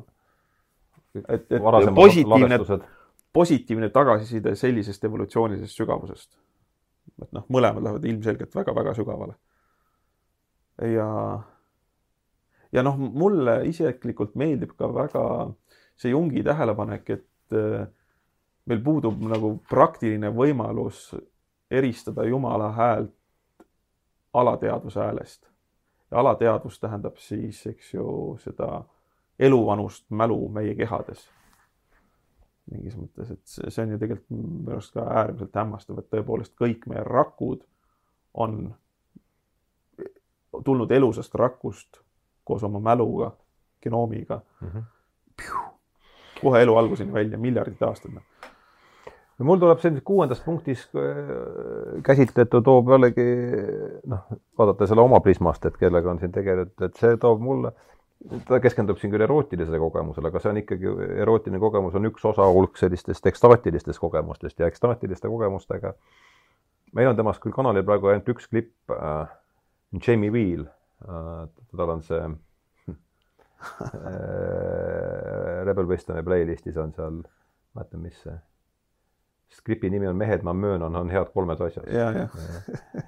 aga noh, temal on see, kes on tegelenud just nende ekstaatiliste kogemuste uurimisega, Stealing Fire on üks äh, Steven Kotleriga vist koos kirjutatud, kus ta on pühendatud just äh, ja ekstaatilised kogemused, saame niimoodi aru, on siis, on ja see viib meid ka juba seit-, võib-olla ma loen selle ette ja siis saame siit edasi minna, et et kõik katsed samastada end teiste inimestega või inimkooslustega, eelkõige irratsionaalsete kogukondadega, kogukondadega, kõik püüdlused, mille piiripealseks mudeliks on seksuaalne ühtekuuluvus, paljastavad paratamatult oma petlikkuse. see on nii väike, seitsmes on siin tõesti ainult üks tekstitäik, et ma ei hakka siis siit seda. aga et jätkan selle Viili mõttega, et noh, üks võimalus, ma saan aru sellest maailma ükskõiksuse painavast kogemusest korrakski ennast vabastada läbi ekstaatilise kogemuse, eks, milleks siis üheks alaliigiks on erotiline armastus, aga seal on neid, noh, vot seal on neid, äh, ma kujut-, nojah, ütleme. kusjuures, kusjuures siin on üks asi, mul on esiteks natuke raske mõelda, et kas see on nüüd no üks asi on vist tõepoolest, et iga, no laulupidu ei kesta igavesti. just. sul varsti tekib see suguakt samuti mitte. jah, vot suguaktiga on minu arust see asi, et post coitum omne animal tristest, eks ju, et mhm. pärast seksi on iga loom kurb. pärast laulu, pärast laulupidu on iga e- eestlane kurb iga eestlane kurb pärast laulupidu on iga eestlane kurb et, et, et, et vot siin võib olla teatav mehelik asümmeetria sisse järginud, sest noh, me saame aru, et meestel käib laks ära ja siis on vaja vaadata, et kiskja hambaid selga ei lööks ja vaja ruttu edasi joosta, eks neil viskab põmm pilgu kaineks. Neil peabki maha rahunema, aga naistel nagu pigem orga-, nagu ma olen lugenud orgasmiga tekib, eks ju, oksüdotsiin, mis on niisugune meeldiv hõljuv ja tähendab, nemad nagu kantakse sellest asjast patjadel välja. mehel on põmm, pilk selge ja nüüd hakka tegutsema, mis kurat nüüd on. Et, et, et nende asjadega ja muidugi siin on üks, üks veel see asi, et äh, üldiselt ju meie ajukeemia otsib homostaasi. et öelda, pill tuleb pika ilu peale nii või naa, kuidas sa selle pilliga kätte ei saaks või tähendab pika ilu, kuidas sa seda ka kätte ja. ei saaks. no sellest me siin räägime. kogu jutt on olnud täna sellel teemal, eks. et, et, et noh, mingis mõttes, et mis iganes asi sul tujuga väga heaks ei teeks, siis enamasti nad kipuvad olema, et aju väsib ära sellest ja lülitab tasakaalumehhanismi sisse. Ja kui sul on need äh, toredad ained sinna liiga palju kogunenud või kuidagi vägisi väljastpoolt sisse aetud, siis see inerts võib olla mm -hmm. palju hullema tagasilöögiga. et see on ka nende igasuguste kehaväliste ainetega tihti nii. no ma ei tea, me oleme siin nüüd. sest ma mõtlen isegi, ma vaatan oma väikest primaati, kes mul kodus, eks ju, ta jookseb õhtul hästi rõõmus lihtsalt sellepärast, et ta joosta saab rõõmus, rõõmus, rõõmus siis on põmm kurb. mis ma siin ikka jooksen jah, noh, ikka see aju, ajuõel homostaas või ütleme siis neuroloogilised tasakaalumehhanismid ei hooli ka meie eest, meie, meie tujudest, on ükskõiksed meie suhtes kuidas see on? ilm tuleb pika ilu peale. tund nelikümmend hakkab täis saama, et ongi, me oleme jõudnud eelviimase kaheksanda osani, et siis ole hea, võta sealt Hendrik midagi ja, või, või refereeri või ütle midagi selle kaheksanda osa kohta, palun siis. no siis saab veel Mihkel see on ka selline kokku. lühike, lühike osa, et maailma ükskõiksuse alistamise proovidest on võimalik loobuda ja seda kahel viisil üks nendest on enesetapp, see tähendab kindlustada endale kohalolematus maailmas ja kaotada seeläbi ükskõiksus kui mind ennast justkui vääramatult sisaldav si situatsioon.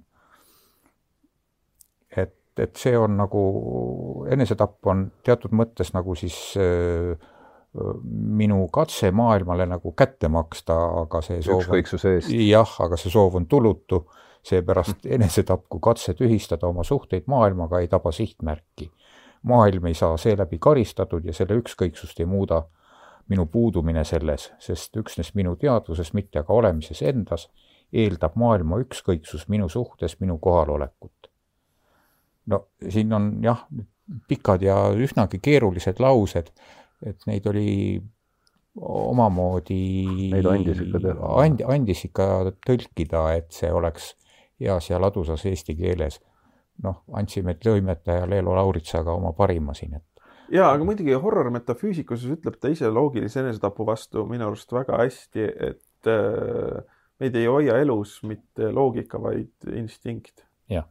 Et, et see, see, see on ka tõsi, aga muidugi on see, et noh, enesetapp väga paljudel juhtudel on kommunikatiivse iseloomuga või mõõtmega vähemalt, eks ju no nad võivad mm. olla ka niisugused hästi pragmaatilised, eks ju, et tõesti, ma tunnen, et mu keel on välja suremas, ma lähen poliiti-, poliitilise žestina ennast hävitan, aga need pole üldse need, eks ju, ta räägib, ta räägib eksistentsiaalsest enesetapust.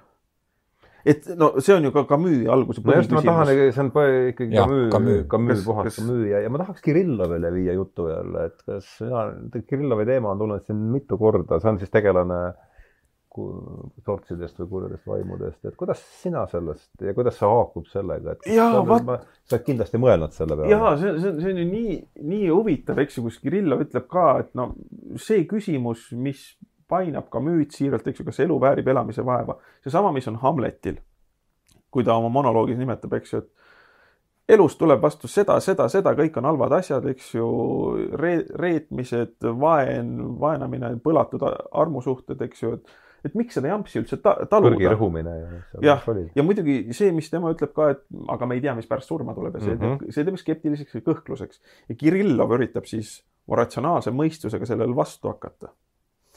Äh, üritab ratsionaalse mõistusega, ütleb, et noh, see on see loogiline enesetapp, et kui ma saan aru, et kui mulle seal ta toob sellise kujundi, et äh, kukuks pähe üks väga suur kivirahv, siis see lömastaks mind nii kiirelt, et ma ei jõua valu tundagi mm. -hmm et ühesõnaga, me oleme oma niisuguse arhailiste rudimentaalsete eelarvamuste küüsis ja need sunnivad meid siin eksistentsi käes vaevlema.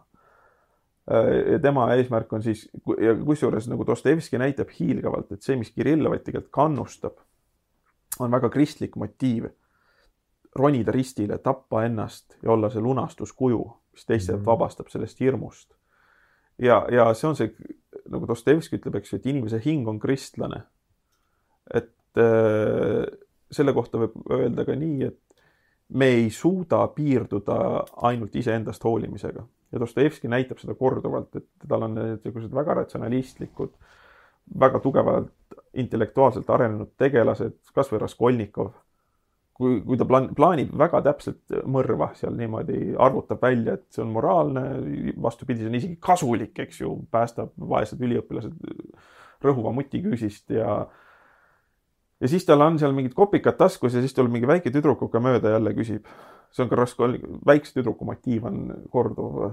ja siis ta lihtsalt annab kohe talle täiesti irratsionaalset, see on teemonlik headus.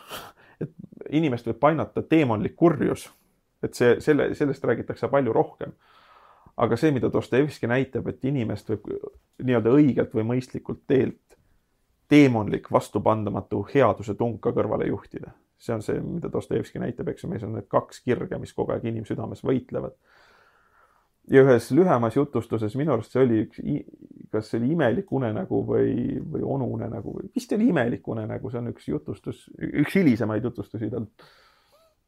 kus on ka üks jälle tark arenenud mõistusega üliõpilane, kes plaanib enesetapust olla kõigest villand sellest maailmast ja. ütle selle nimi veel, selle peale, selle teose nimi. jutustuse nimi oli, midagi unenägu oli seal sees. Eesti keeles olemas? ja, ja. imeline unenägu. imelik unenägu või midagi sellist mm. -hmm selle pärast välja vaadata. aga seal on samamoodi, kus ta mõtleb, et laseb endale kuuli pähe ja siis tuleb lihtsalt tänaval üks tüdruk, väike tüdruk, kes ütleb, et ta ema on haige ja hädas ja ja pärast see mees jääb mõtlema, et, et miks ma ennast ei suutnud tappa, eks ju, et, et mul pidi olema kogu sellest maailmast kohe täiesti ükskõik. Ka sellest tüdrukust, tema emast ja tema hädadest ja viletsusest, aga miks ma ei suutnud ja siis ta näeb ühe väga, väga võimsa unenäo. see on niisugune üsna kvintessentslik Dostojevskilik kokkusurumine või et ühesõnaga ma soovitan seda, et no see on, see on ka, mis noh, see osavõtlikkuse asi. mis perioodi, ma ei ole isegi kuulnud seda, kas see on varasem Dostojevski? ei, hilisem, ma arvan, et seitsmekümnendad juba mm.. ja tuleb meelde tuletada, et nüüd tuleb aasta kakskümmend üks, see tähendab, et Dostojevski sünnist saab kakssada aastat ja sellest tuleb, äh, sellest tulevad erisaated, erilehed. seal tehakse kõvasti mürglit, ma arvan. tuleb teha kõvasti mürglit, me peame ise kõvasti mürglit tegema. Dostokast kakssada. ära ütle. vaata, vaata. Dostojevski ise kakssada igal sajandil mm, -hmm. nii et mhm. seda tuleb suurejooneliselt tähistada. ühesõnaga uh.... tähendab, see, mida ma tahtsin öelda, et eks ju, maailm on ükskõikne, aga millele ka Dostojevski osutab, see, et meie ei suuda olla täiesti ükskõiksed mm, -hmm. eks ju, mitte alati vähemalt. meil on ju vennad Karamazovit plaanis kevadel, nii et haakub suurepäraselt. Tšeslav Miloš ütleb oma hullromaas, et Dostojevski need märkmed põrandalt ja suure inkvisiitori. poem suur inkvisiitorist, jah? on kaks maailma üht tähendusrikkamat filosoofilist teost mm. -hmm. on jah. jah, vennad Karamazovid on suur, suur, mul on kuidagi niisugune ühest esseest meelde, et, et vennad Karamazovid on ja. suur, suurim, maailma suurim filosoofiline romaan midagi. no Milos tegeles jah, Dostojevskiga palju, aga no Dostojevski on ikkagi jah, see on üks, üks aluseid meie, meie nagu no mina olen võtnud Dostojevski asja kokku niimoodi, et ta, tal see lamp põles natuke eredama leegiga ja sellepärast ta nägi neid soppe alateadvuse osades kogu aeg, mida meie näeme ainult vahel, kuna meie, eks ju, meie teadvuses niikuinii üks lambike liigub, mis on suhteliselt õrn ja mis, mis meil parasjagu huvides on, sinna ta umbes liigub ja selline meie teadvus on, aga temal oli see lamp kogu aeg suurem ja sellepärast oli kogu aeg need, see häältekoor, mis normaalses inimeses koondub üheks meie tahteks ja motivatsiooniks. tal oli kogu aeg seal need sees ja siis ta oli ka nii lõhki kistud mingis mõttes ja ma mäletan, et ta kurtis oma vennale, et mul on nii palju muljeid, et kui ma kirjutada ei saa, siis ma lähen hulluks mm.. see hüpermneesia. eks no sest me teame, et meil on noh, sulle, sa oled ka siin neid saateid teinud, eks ju, et äh, meie psüühika on mitmene põhimõtteliselt, eks ju. siin on orkester meil sees. Aga normaalsel inimesel see koondub kuhugi üht, üht, ühe, ühe ahvi kätte ära parasjagu, aga mul on tunne, et Dostokal olid need, Dostokal oli tõeline demokraatia hinges selles mõttes, et iga ahv lärmas seal selle ma noppisin, noppisin üle Petersonilt üles, et isiksus on alam, isiksus on alamiksiksuste kaootiline kamp. midagi, midagi, midagi sellist. no kuule, kena, Mihkel, aga võta siis üheksas, number üheksa ja siis äh, räägime sellest.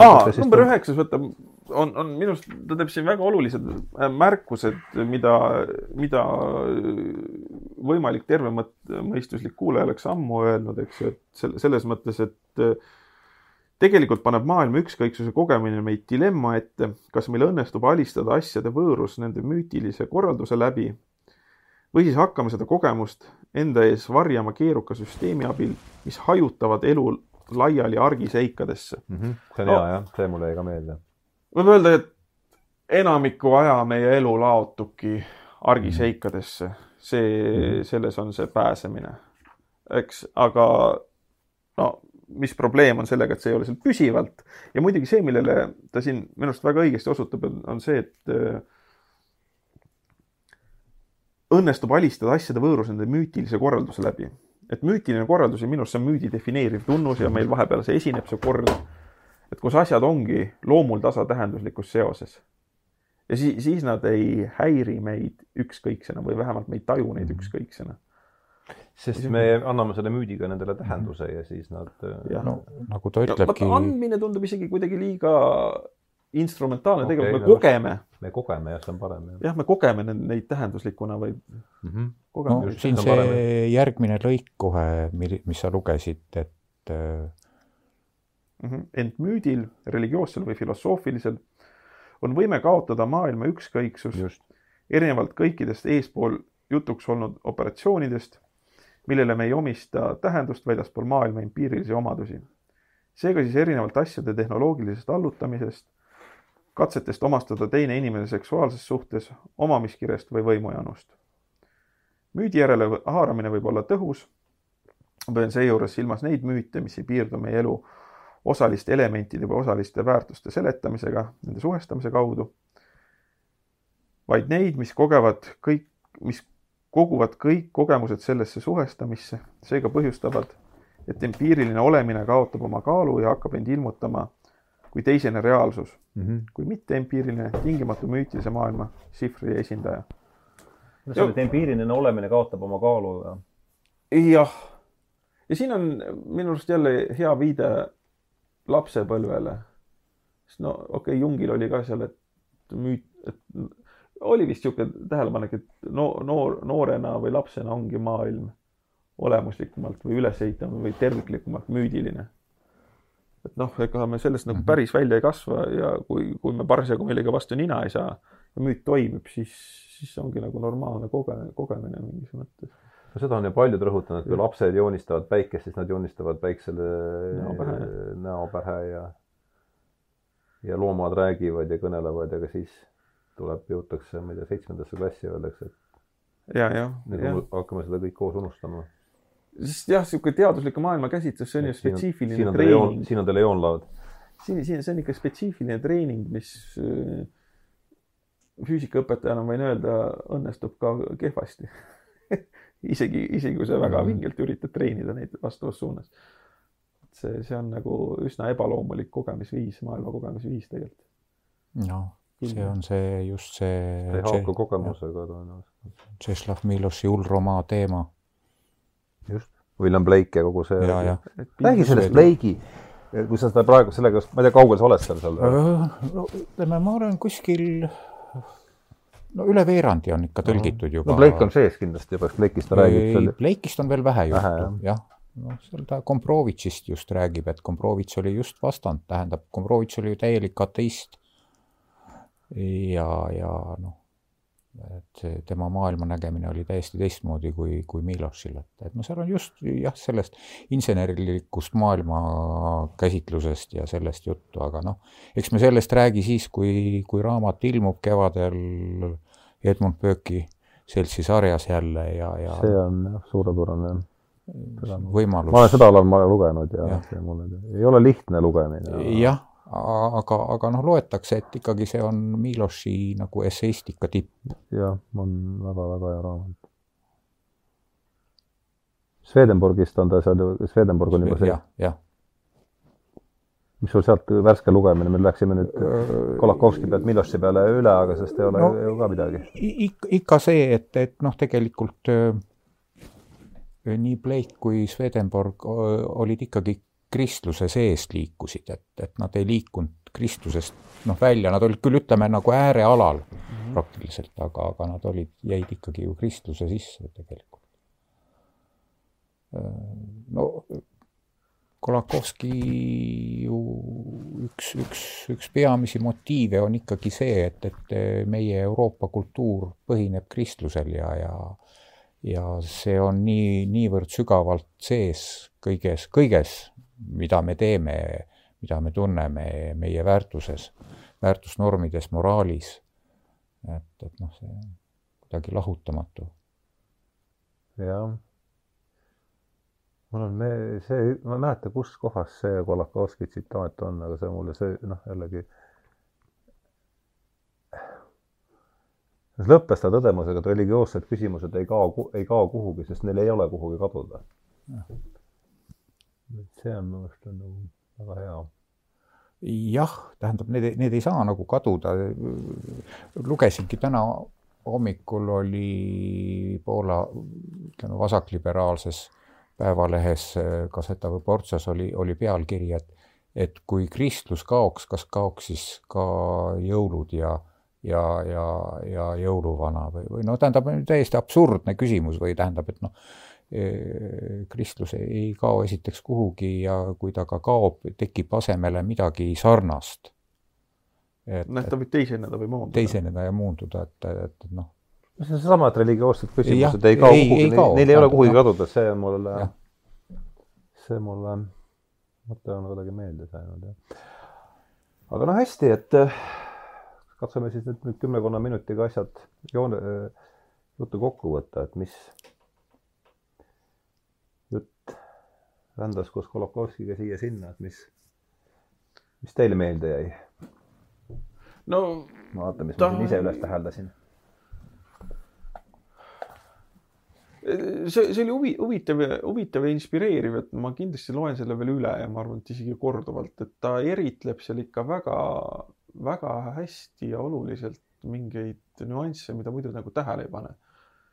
Vaik-, vaikimisi tajume ja, ja tõepoolest, et väga hästi läheb kokku ka müü absurdimüüdiga. jah. et see, see mulle tuli jah.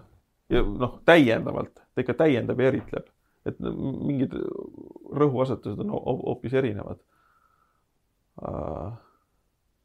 jah, ja mul nagu väga hästi kõlab ka sellega see, see kokku, et kui, kui tohutult sotsiaalne on tõesti see meie mõtlemisaparaat oma päritolult ja struktuurilt. meie sees on dialoog ja me animeerime oma maailma enda ümber. Uku Masing muidugi ongi see, et ütleb, et füüsikute suurim viga või nii-öelda tervemõistuslik viga on see, et nad käsitlevad kogu ülejäänud maailma enda keha laiendusena nad on võtnud, et noh, need isegi jõud, eks ju, et see, me tajume seda eelkõige oma kehas ja ma tean ise ka seda, et et kui raske on teha inimesele selgeks, et gravitatsioonijõud ei väsigi ära ja see hämmastab ka mind siiamaani, et noh, muudkui tõmbab ja tõmbab, aga üldse ära ei väsi. kogu aeg nagu põhimõtteliselt jääbki tõmbama. et me va vaatame kõike analoogiates läbi, läbi iseenda ja see on üks suur sotsiaalne probleem tõepoolest, kui üks partner, me jõuame arusaamiseni, et see, kellega me suhelda üritame, ei ole suheldav. sealt tekib see absurdi kogemus, eksistentsiaalne absurdi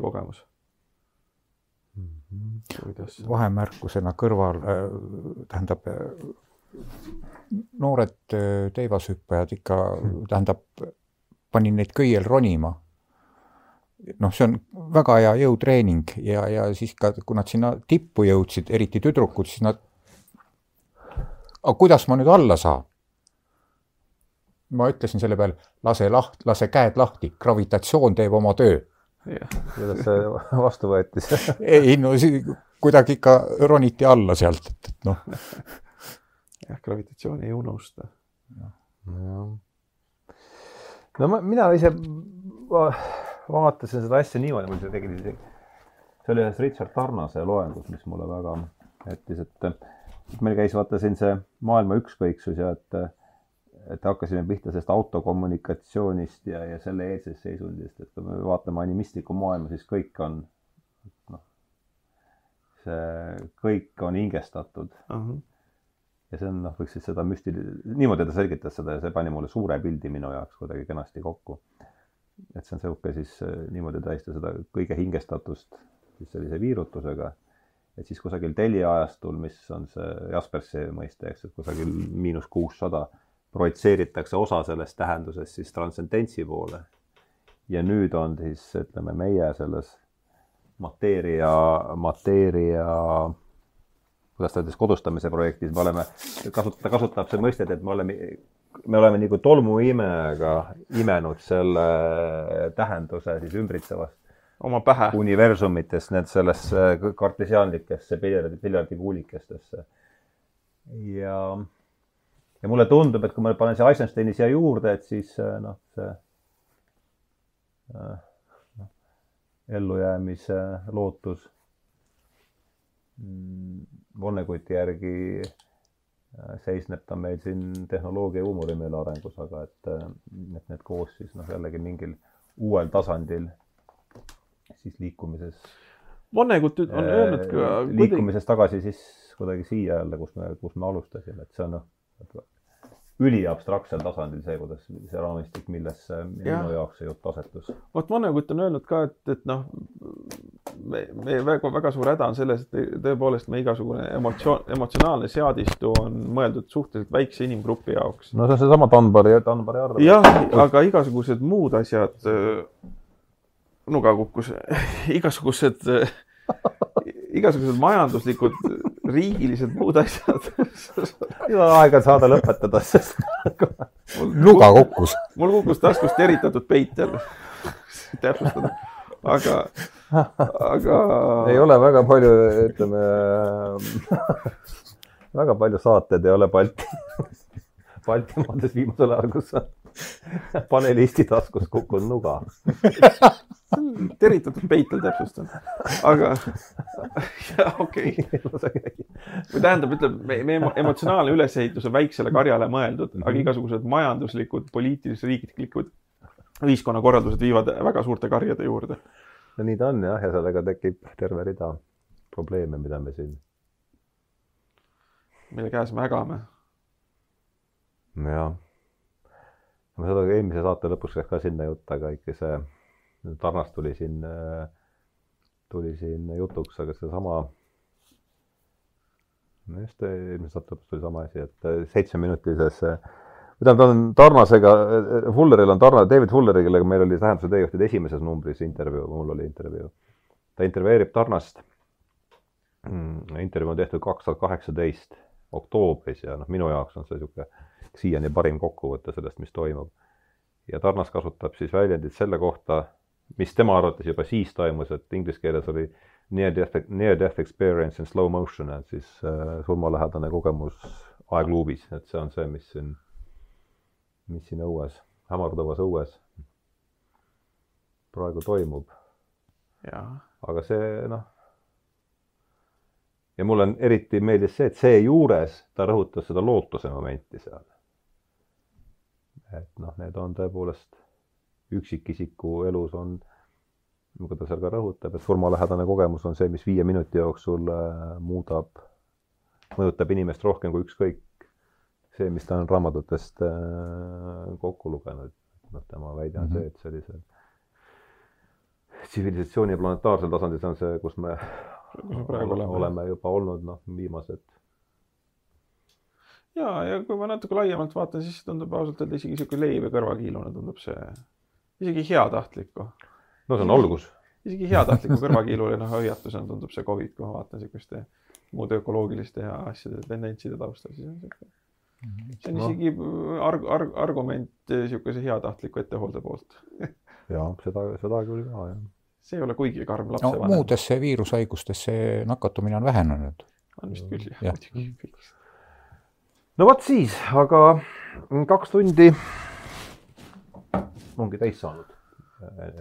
ja, ja läks nagu niuhti.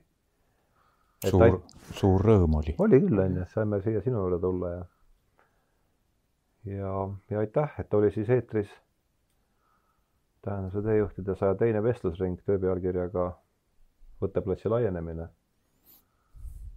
Ja olid siis, olime külas Hendrik Lindepuu juures, kelle sisepoolas. sisepoolas jah, mm, kes siis äh, tõlkis, ma ei mäletagi, mitmes raamat see meil siin on, aga me oleme ta kindlasti teises kümnes, et äh, tänu Hendrikule nägi siis eesti keeles jõudis eesti keelde raamat, müüdi koha, kohalolu, kus on kümmekond. On siis, võiks nimetada religiooniteemalisteks esseed. eksistentsialistlikud. eksistentsialistlikud esseed. jah, pigem, pigem. jah, ja, ja teiseks külaliseks oli siis juba pärast nüüd lähme Rehneti kokku, mitu korda oled käinud, aga et Mihkel, kes on kindlasti olnud kõige sagedam külaline sarjas, et aitäh veel kord kaasa tulemast ja, ja aitäh Reiule filmimast ja, ja, ja aitäh kõigile kuulamast ja tõmbame siis joone alla.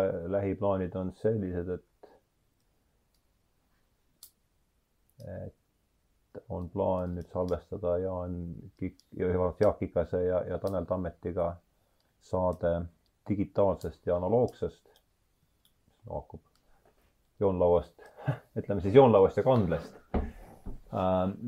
siis on järgmine teisipäeval peaks olema, on äh, mõte teha siis Karl Kristjan Nageli ja Aarne Hiobiga saade Vassili Perovi kuulsas maalis Kristus Ketsemanis on üks, mis on mul endal olnud pikalt kavas ja, ja, ja siis Andres Vei-, Andres Veisbak, Sven Kivisildnik, konspiratsiooniteooriad, tõotab olla huvitav selgitav saade, mõtles, tõotab selgitav saade. selgitav saade tulla ja siis on seal veel paar ideed. et järgmisel nädalal on kavas salvestada neli saadet ja aga noh, meie oludes, mine sa tea, mis, mis plaane sa siin nii väga pead. et veel kord aitäh äh, kuulamast, aitäh, äh, aitäh tulemast ja või noh. olemast. ise, aitäh olemast. ja järgmiste kordadeni. jah